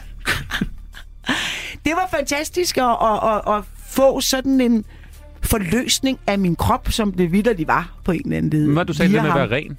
Jamen det var fordi, der var jo ligesom, altså det var også, altså der var også mellem tæer, altså alt blev ligesom kysset og rørt, og, Ah, okay. så man skulle ligesom bare være parat, altså ikke noget med sure sokker eller lidt sved under armene, ren. Okay. Ja. Hvad hed han? Eller hun? Jeg Han ved hed ikke. Yoichi Sato. Okay. Og var fotograf. Ja, Tænker du stadig bare om en gang imellem? en gang imellem, ja. Han lyder da som en mand, der har kunnet sit kram. Han var, det var fantastisk, og vi havde sådan en fantastisk ferie til Korsika, hvor vi vidste, at når vi kom, når vi forlader det her ø, så skal, jeg, øh, så skal vi til Paris, og så skal jeg hjem, og så skal vi skilles. Så vi gav de nu max gas på romantik og hvad som helst øh, på den tur. Huh. Ja. Rød mig helt herover. Der var det andet der, onanikursus i klovn. Det er jo noget som en, en, en, et afsnit af klovn, jeg husker Ja. meget tydeligt. Uh, lad Ved os du, bare hvem lige... der har skrevet det afsnit? Lars von Trier? Ja. Ja, jamen, lad os lige prøve at høre uh, en lille bid fra det afsnit, hvor at, uh, du altså medvirker i uh, Kasper Christensen og Frank Vams klovn. Ja. Jeg har fået den her lovning på, at hvis jeg smed en tidskone ind, så fik jeg to. Hvad for noget? siddet og lavet så... Kasper, er det rigtigt? Jeg har... Jeg aner ikke, hvad du snakker om. Ved du hvad, Frank? Så er det altså for egen regning. Ud med dig. Jeg gider ikke sådan, jeg gider ikke sådan en slags handelstanker i Nej, mit hus. det er ulækkert. Her prøver vi altså at gøre sex til et heldigt ting. Ikke?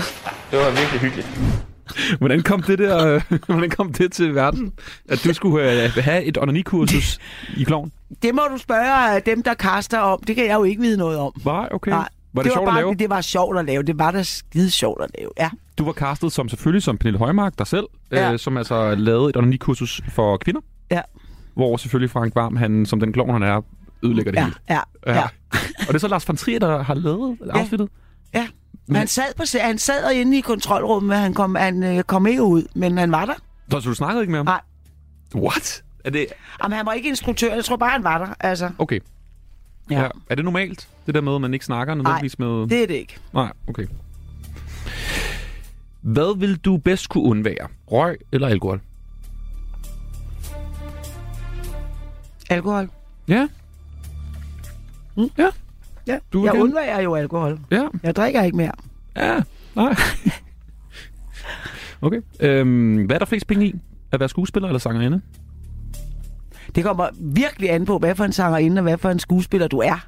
Ja. Altså fordi, øh, altså i det hele taget, så tror, altså er der jo en anden tendens til, at folk tror, at hvis du er skuespiller eller sanger, så vælter du dig i penge og premiere, og det hele er vidunderligt. Gør du det? Nej. Altså, og det er jo kun toppen af isbjerget. Der er jo et kæmpe, kæmpe forskel på, altså øh, musikere i, over en bred kamp, ikke? Og, og mange musikere har sgu et ret råt, hårdt liv, ikke? Mm. Det har de, og øh, denne her øh, corona har ikke gjort det nemmere og, overhovedet. Hvad har du tjent øh, flest penge på? Hvad har været sådan... Det tror jeg klart har været musikken. Okay. Trods alt. Ja, det tror jeg. Jeg har også spillet i det orkester i over 30 år. I Sweethearts. Og nu skal vi ud igen, og jeg glæder mig. Hvem vil du helst ryge en god bønne med? Lise Nørgaard eller Uffe Ellemann? Hvis du kunne vælge og ligesom live dem op igen. Lise Nørgaard, for hende har jeg mødt et par gange, og hun var, vi havde en fest i Cannes. Vi var nede til, vi var til sådan noget filmfestival. Jeg kan ikke huske, hvorfor jeg var der, men det var jeg. Jo, det var taxa, tror jeg faktisk. Men i hvert fald så var Lise Nørgaard også, og der havde vi altså en fest i nogle dage i øh, Cannes. Så klart Lise Nørgaard. Hvad lavede I? Vi var på café og snakkede og gik ture og var oppe og spise et eller andet fantastisk sted og sådan noget, ja. Havde du en fornemmelse af, at hun godt kunne være typen, der lige kunne suge på en bong? Nej. Nej. Okay. Vin i rom eller rom i vin? Vin i rom eller rom i vin? Hvad, hvad, rom i vin? Nå, vin i rom eller rom i vin? ja, så tror jeg, jeg tager vin i rom. Ja. Rom er dig. Vi tager den sidste her. Taxa eller krøniken? Taxa. Okay. Det var sjovest at lave. Det var sjovest at lave? Ja. Hvad var bedst som seer, synes du? Jeg synes, de er så forskellige, så det behøver jeg gudskelov ikke have en mening om. Det var enten eller med Pernille Højmark. Du lytter til fredagsmissionen på Radio 4. Mirko, elsker du USA? Selvfølgelig gør jeg det. Hvorfor skulle jeg ikke? Indrøm det. Du elsker også USA. Mit navn er Frederik Dirk Skotlip. Jeg har i mange år beskæftiget mig med amerikansk kultur. Jeg hedder Mirko Reimer Elster. Jeg er nørden fra News. Ham, der fortæller dig alt det om amerikansk politik, du bliver nødt til at vide. Og nu udvider jeg biksen til kultur. Hver uge dykker de to værter ned i tidens aktuelle og debatskabende kulturhistorier fra USA. Lyt til Only in America. I Radio 4's app, eller der, hvor du lytter til podcast. Radio 4 taler med Danmark. Du lytter til fredagsmissionen på Radio 4. Med helt forrygende selskab af Pernille Højmark. Dejligt at have dig i I studiet. lige måde, det er dejligt at være her. Skål! Skål i uh, den gode... Og champagne, Det- som har- er æblemost med dansk vand. Og jeg har næsten ikke mere tilbage. Det smager, det er meget læskende. Mm. Det er godt at drikke, i stedet for noget med procenter i. Det er det. Mm. Hvordan øh, plejer du at fejre weekend egentlig, Pernille Højmark? Du er jo en ung madame. Livlig, forestiller jeg mig. Så du, Ja. Det er vel noget med at tage i byen og... Altså jeg vil sige, jeg plejer jo, altså en meget, meget stor del af mit liv har jeg jo arbejdet i weekenden. Mm. Altså sådan er det jo, når man spiller musik, så er det jo fredag og lørdag, torsdag, fredag og lørdag, det, det handler om, ikke? Så du har taget byen sådan mandag tirsdag i stedet for? Nogle gange, ja. Okay. Øh, ja. Altså, da jeg gik i byen, ja, så kunne det være any day, og også meget rart en gang med. Altså faktisk lige præcis det der med at være kendt. Et sted, det kan være svært, det er på festivaler og på værtshus, fordi der har folk tabt hæmningerne, ikke? Og så øh, er der ikke grænser for, hvad de synes, man skal vide og, og få fortalt, vel? Hvad, hvad, hvad siger folk til dig Jamen, så? de siger bare, jamen, det er bare, altså, du ved, fulde mennesker, de er jo bare hæmningsløse på en eller anden måde. De skal bare sige noget, ikke? Og hvis man så ikke rigtig gider svare, ah, du kræfter mig også skide snobbet i din, øh, altså, whatever, ikke? De kan hurtigt vende kniven, når det... ja. Okay. Hvor har så været bedst at gå i byen som Pernille Højmark der øh, i... Da jeg gik for alvor i byen, Mm. Altså helt gamle dage gik jeg på, øh, oppe i, på husets, øh, hvad hedder det, musikcaféen oppe i huset meget. Magstræde i København? Magstræde ro, og ned i værtshuset Rosa Luxemborg, og altså jeg havde sådan en periode, hvor det var sådan de klassiske værtshuse, Sorgenfri, øh, øh, Akselborg. Ja. Jeg har aldrig været i diskotek, for eksempel. Jeg har aldrig været en diskotekspige. Nå, jeg troede ellers, du skulle ud og danse den slags. Så... Ja, men, ja, men det har været til live-koncerter, og på loppen har jeg danset rigtig meget. Okay. Hvordan... Øh... Fri dans. Fri dans? Hvad betyder det? Det betyder, øh, fri dans, det betyder store armbevægelser og be- øh, benyttelse af stor af gulvet og... Ja, Mm. slå sig løs. Hvordan er det så nu? Øh, jeg ved ikke, om jeg må sige. Man må ikke sige, hvor gammel en... en Jo, jo, det må du gerne. Du er 62, ikke? Yes. Hvordan er det så nu at tage i byen? Kan man, altså, fortæl mig lidt, hvordan er det? Jamen, jeg gør det faktisk ikke rigtig mere, altså, men det tror jeg, at der, der er nogle af mine venner, ja, ja, det kan man godt. Så går man vel lidt mere på café, og... Jo, jo, jo, der, det kan man godt. Men er det røvsygt at blive gammel? Ældre? Nej, fordi, altså, man kan jo sige, alting bliver jo... Alting, altså, på et tidspunkt bliver det jo også røvsygt at gå i byen. Mm. Altså, så, så der, der er jo hele tiden noget, der bliver anderledes. Ikke forhåbentlig, altså det ikke, man ikke er en lang øh, det samme hele Nej. vejen igennem. Og det skulle også være kedeligt stadigvæk ja. At stå i tylejren og, og danse, eller hvad du har gjort. Eller i Paris med en uh, japansk uh, lover. var der noget med, at uh, du engang var til et full moon party? Ja, det var det, og det er en, øh, det er en lille historie fra Thailand. Du bad mig om at huske et eller andet skønt med noget fest og noget sprut. Og der boede... der var, det var før Thailand blev rigtig turistet. Jeg var afsted med Kim, min øh, eksmand, Hvornår er det? og vi var unge. Jamen, det har været sådan noget... Det har sgu nok været i midt 80, 85, 86, sådan noget, ikke? Og der fandt vi en ø, der hed Kopoda, hvor der, hvor der var en lille havn, en restaurant, og så 12 rigtig labre bungalows, og der var ingen mennesker. Mm. Og der var vi så, øh, og, og der boede vi så ret længe, og der øh, og vi lærte de der lokale, den lille lokalt samfund, som var meget lille at kende, og de fortalte os om, at der er en fest i aften. Nå, og vi ville ge- meget gerne med, og på det der sted, der var det sådan, at generatoren slukkede kl. 10, og så var der ikke noget lys, og ikke, altså så var der ligesom bare godnat, ikke? Ja. Og, pandelamper. Men den der fest skulle så foregå, og vi forstod ikke rigtig, hvad det var, de skulle fejre, men vi kom. Og så sad vi dernede på stranden, og det var fuldmåne. Det var kæmpe stor fuldmåne, hvilket jo betød, det var næsten, næsten som at have sådan en spot på den der ø. Ikke? Ja. Og der lå vi så, Giv og mig, og havde lige fået et kæmpe væs af en eller anden af Gandiamaren.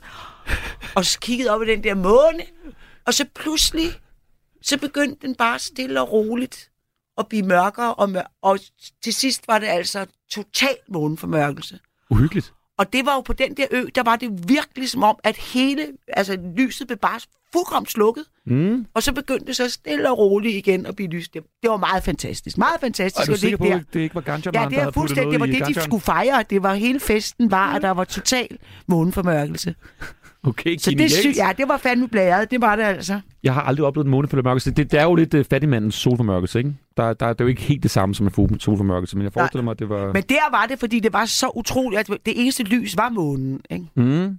Var det i, i, i midt-80'erne, var det så også en et party? Var det også med de der buckets? Altså de der, øh, man fik sådan en, det gør man jo nu til full moon party, sådan nogle farverige buckets, hvor man putter sprut i med Nej, sugerør. Nej, nej.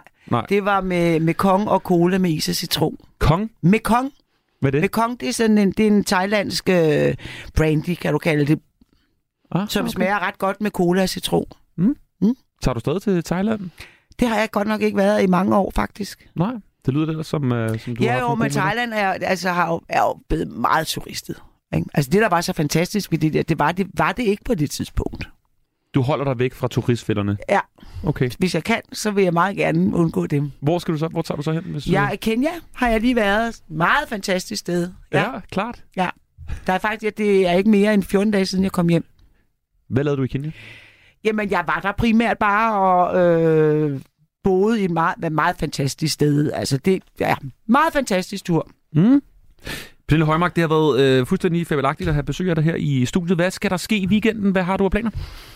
Øh, I aften skal jeg se X-Factor sammen med Sanne. Sande? ja, Sande hvem? Sanne Salmonsen. Sådan. Ja, vi skal sidde og se X-Factor sammen, ja. Hun så det er glæder jo mig rigtig meget til. øh, tidligere dommer. Hun er tidligere dommer, så øh, ja, Så det er du- meget fornemt. Så du får simpelthen råt for usødet, hvad hun synes. Ja, og hun får ret på ufrihed, hvad jeg synes. Hvad synes du så om øh, deltagerne Jeg synes faktisk, de er skide gode i år. Altså, Ja. det må jeg sige. Jeg synes, og jeg synes, Simon Kvam er øh, klær, klær det. Mm. Så øh, jeg godt, jeg synes, og jeg synes, deltagerne er, rigt, er rigtig gode i år, faktisk. Det var lidt dumt. Var det, var det ikke dumt, det han lavede sidste fredag der, hvor han øh, stemte altså klar Nej, ud? det synes jeg ikke. Nå. Fordi, øh, nej, jamen altså, det hedder X-Factor. Det hedder ikke, hvem har den største stemme. Okay. Vel? Og hvad er X-Factor så? I din... Jamen X-Factor er, altså, altså ham der Theodor har jo bunker af det. Altså det er det der med, at din evne til at komme ud over scenekanten. Mm. Det er det, der er X-faktoren. Ikke? Det særlige, der ikke, fordi der er mange, der kan synge godt. Der er mange, der, altså, men, men dem, der for alvor kan sparke den afsted. Ej, jeg vil gerne til X-Factor aften sammen med Pille Højmark og Sanne Salmonsen. Det er det hyggeligt. Jo, hvad er der i glassene? Hvad spiser I? Prøv. Uh, der er te i glasene, men der er, og der er en lille røg. Nå, okay. Ja. Okay. jeg tror, jeg ved ikke, om X-Factor bliver bedre, hvis man er lidt påvirket. Det gør det garanteret. Det gør det. Ja, det hele lyder bedre. ja. Pernille Højvagt, det har været en absolut fornøjelse at have besøg af dig. I lige måde. have Jeg plejer en at være. Kæmpe god weekend, og hils Anna Salmonsen i aften. Det skal jeg gøre. Du lytter til fredagsmissionen på Radio 4. I denne uge markerer det blå hjørne SVM-regeringens 100-dages jubilæum. Jeg synes, at øh, vi på 100 dage har nået øh, rigtig meget. Vi kommer forbi det nye finanslovsudspil. Hvis vi skal gå ind i det der, så skal vi have øh, flere penge på bordet. Og hvordan går det egentlig med Venstres samarbejde med de andre regeringspartier? Så kan jeg jo godt mærke, at Jeppe Brugs ikke har skattestoppet sådan helt inde under huden, for nu bare at sige det som det er. Lyt til det blå hjørne i Radio 4's app, eller der, hvor du lytter til podcast. Radio 4 taler med Danmark. Du lytter til fredagsmissionen på Radio 4.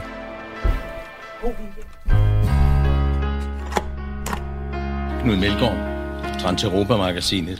Knud Melgaard, hvordan står det til hos dig? Det står fint til, men jeg skal bare sige dig én ting, Anders. Ja, kom med det. Du skal ikke rende i byen med Pernille Højmark og Sanne Salomonsen uden at invitere mig med. Nej, vel? Jeg tænker Vel? også, altså, vil, du, vil det ikke være den bedste aften nogensinde for dig, at komme ind og sidde i den sandwich af to formidable damer? Jo, jo, jo. Men det, det, det er, jeg, er, jeg må indrømme, at jeg har jo været, nu skal vi ikke nævne i hvilke studier jeg var med, med, med Pernille Højmark her for nylig. Øh, og hun er jo en, hun er jo en gæv pige, og, og øh, ja, hun lyver med sin alder. Hun lyver med sin alder. Hun er jo ikke 62, hun er kun 52. Altså, sådan bliver hun sig i hvert fald. Knud, Knud uh, Pernille Højmark har has left the building. Du behøver ikke at, uh, at komme med de der sliske komplimenter. Nej, hun er, en, hun er en gæv pige, absolut. Sådan er det. Knud Melgaard, øh, brevkasseredaktør selvfølgelig her på fredagsmissionen, øh, men selvfølgelig også øh, redaktør ude i virkeligheden. Øh, Hvordan synes du, øh, ugen har været for dig, set fra din redaktørstol? Oh, den har været, øh, den har været fin. Der er gudskelov en, en, øh, en hel masse.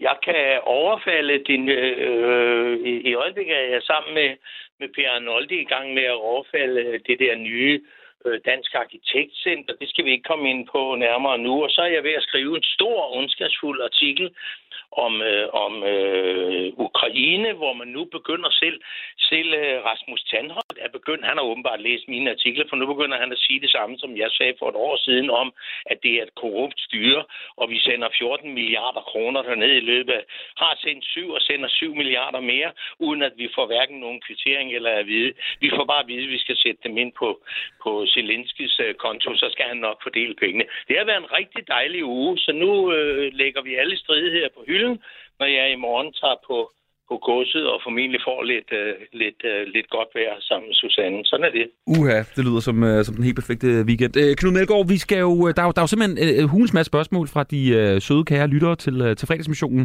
så jeg tænker, vi bare hopper i gang. Er du klar? Yes, sir. Det her det er et godt spørgsmål, synes jeg. Det er en øh, lytter, der ikke øh, skriver øh, navnet, men øh, det er et meget kort og præcist spørgsmål til dig, Knud Melgaard. Hvad er din foretrukne måde at vågne om morgenen på? Bruger du vækkeur, eller vågner du bare af dig selv? Jeg er jo så gammel, så jeg kan tænke... Nej, det er jeg nu altid, det er jeg nu altid godt. Jeg har aldrig været plaget af væggur, jeg har været plaget af børn. øh, og, og, og, det er jo hyggeligt. Det, jeg synes, det er rart, når der kommer sådan en unge ind på, på to år, der er skidt i bukserne. Øh, for det kunne min daværende kone ikke rigtig klare, så det klarer jeg. Nej, jeg vågner stille øh, og roligt, øh, uden nogen øh, større tumult mellem 7, mellem 7 og 8. Øh, Er det ikke også, når man kommer op i din alder? Jeg ved jo, altså, ja, du er jo selvfølgelig stadig en ung vorhar, ikke? I forhold til Joe Biden. Men er, altså, er det ikke noget med, at man skal stå op et par gange i løbet af natten? Fordi der er noget, der man lige skal ud på toilettet? Eller hvordan? Jo, altså skal jeg sidde her og bekendtgøre mine pissevaner over for, for...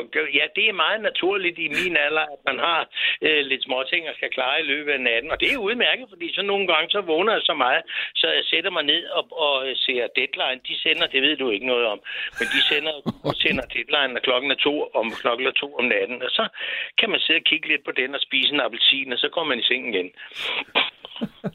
Nå, vi går videre her. Det er et godt spørgsmål fra en øh, journalistspiger, som vil gerne vil øh, have en lang karriere ude i journalistfaget, som du jo har haft. Kære Knud, jeg går på Journalisthøjskolen i Aarhus, og jeg vil gerne være den bedste journalist med de skarpe historier. Har du nogle tips til, at få mig frem i køen og blive den gode journalist? Det er Mathias, der skriver. Øh, Anders, det har jeg jo svaret på en, en gang, men jeg, jeg svarer gerne på det igen. Mm. Forudsætningen for, at man, at man kan blive en rigtig god journalist, det er, at man skal sørge for at lyve, så ikke nogen opdager det. Og det, det, det kan vi jo se øh, i, øh, i pressen. Jeg, har, jeg kan holde en lang foredrag om bare, hvad jeg har set i dag, hvordan man lyver. Og journalister og politikere, de lyver rigtig godt hver for sig. Nej, prøv så vidt muligt, nu er jeg alvorlig, prøv så vidt muligt at holde dig til, øh, prøv at holde dig til, øh, til sandheden og beskrive sandheden. Den er altid den mest spændende at beskrive. Det her det er også et godt spørgsmål, det er. Hey Knud, jeg tror, der bor et spøgelse på mit loft. Har du nogensinde oplevet noget overnaturligt? Tror du på det?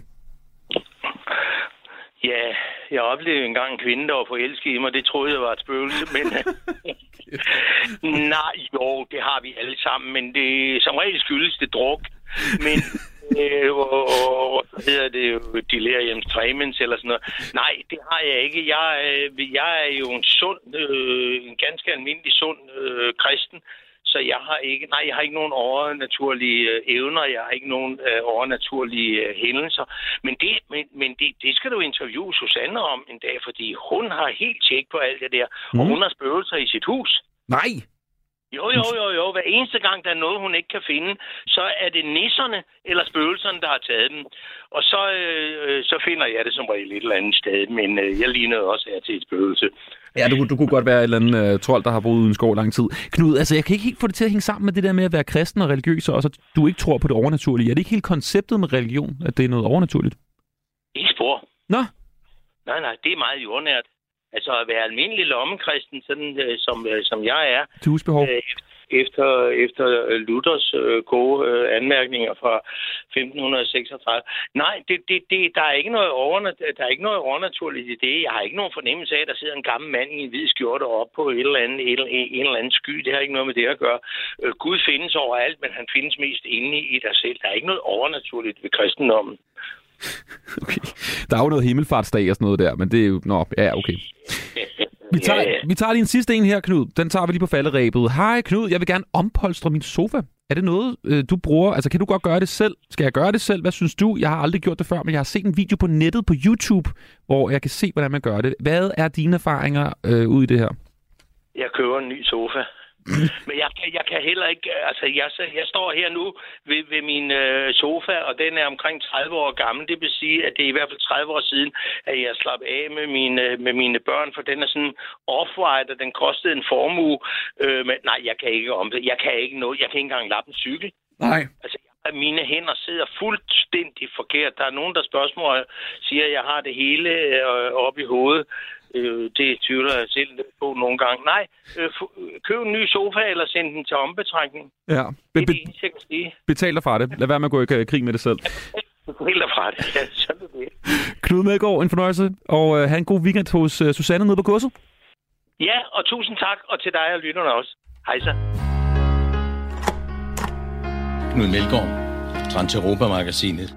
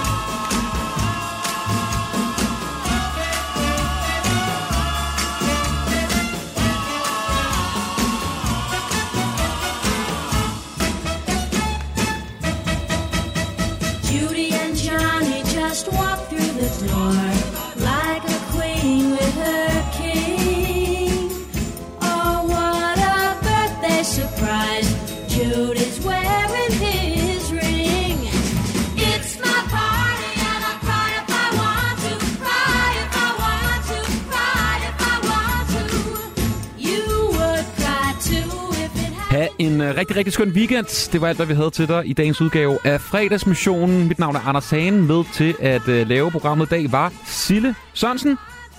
Lige om et øjeblik, så er der meget mere radio til dig her på kanalen. Det er Anders Bøtter, der sidder bag mikrofonen med portrætalbum. Bliv hængende. Lige nu får du nyhederne klokken er 17.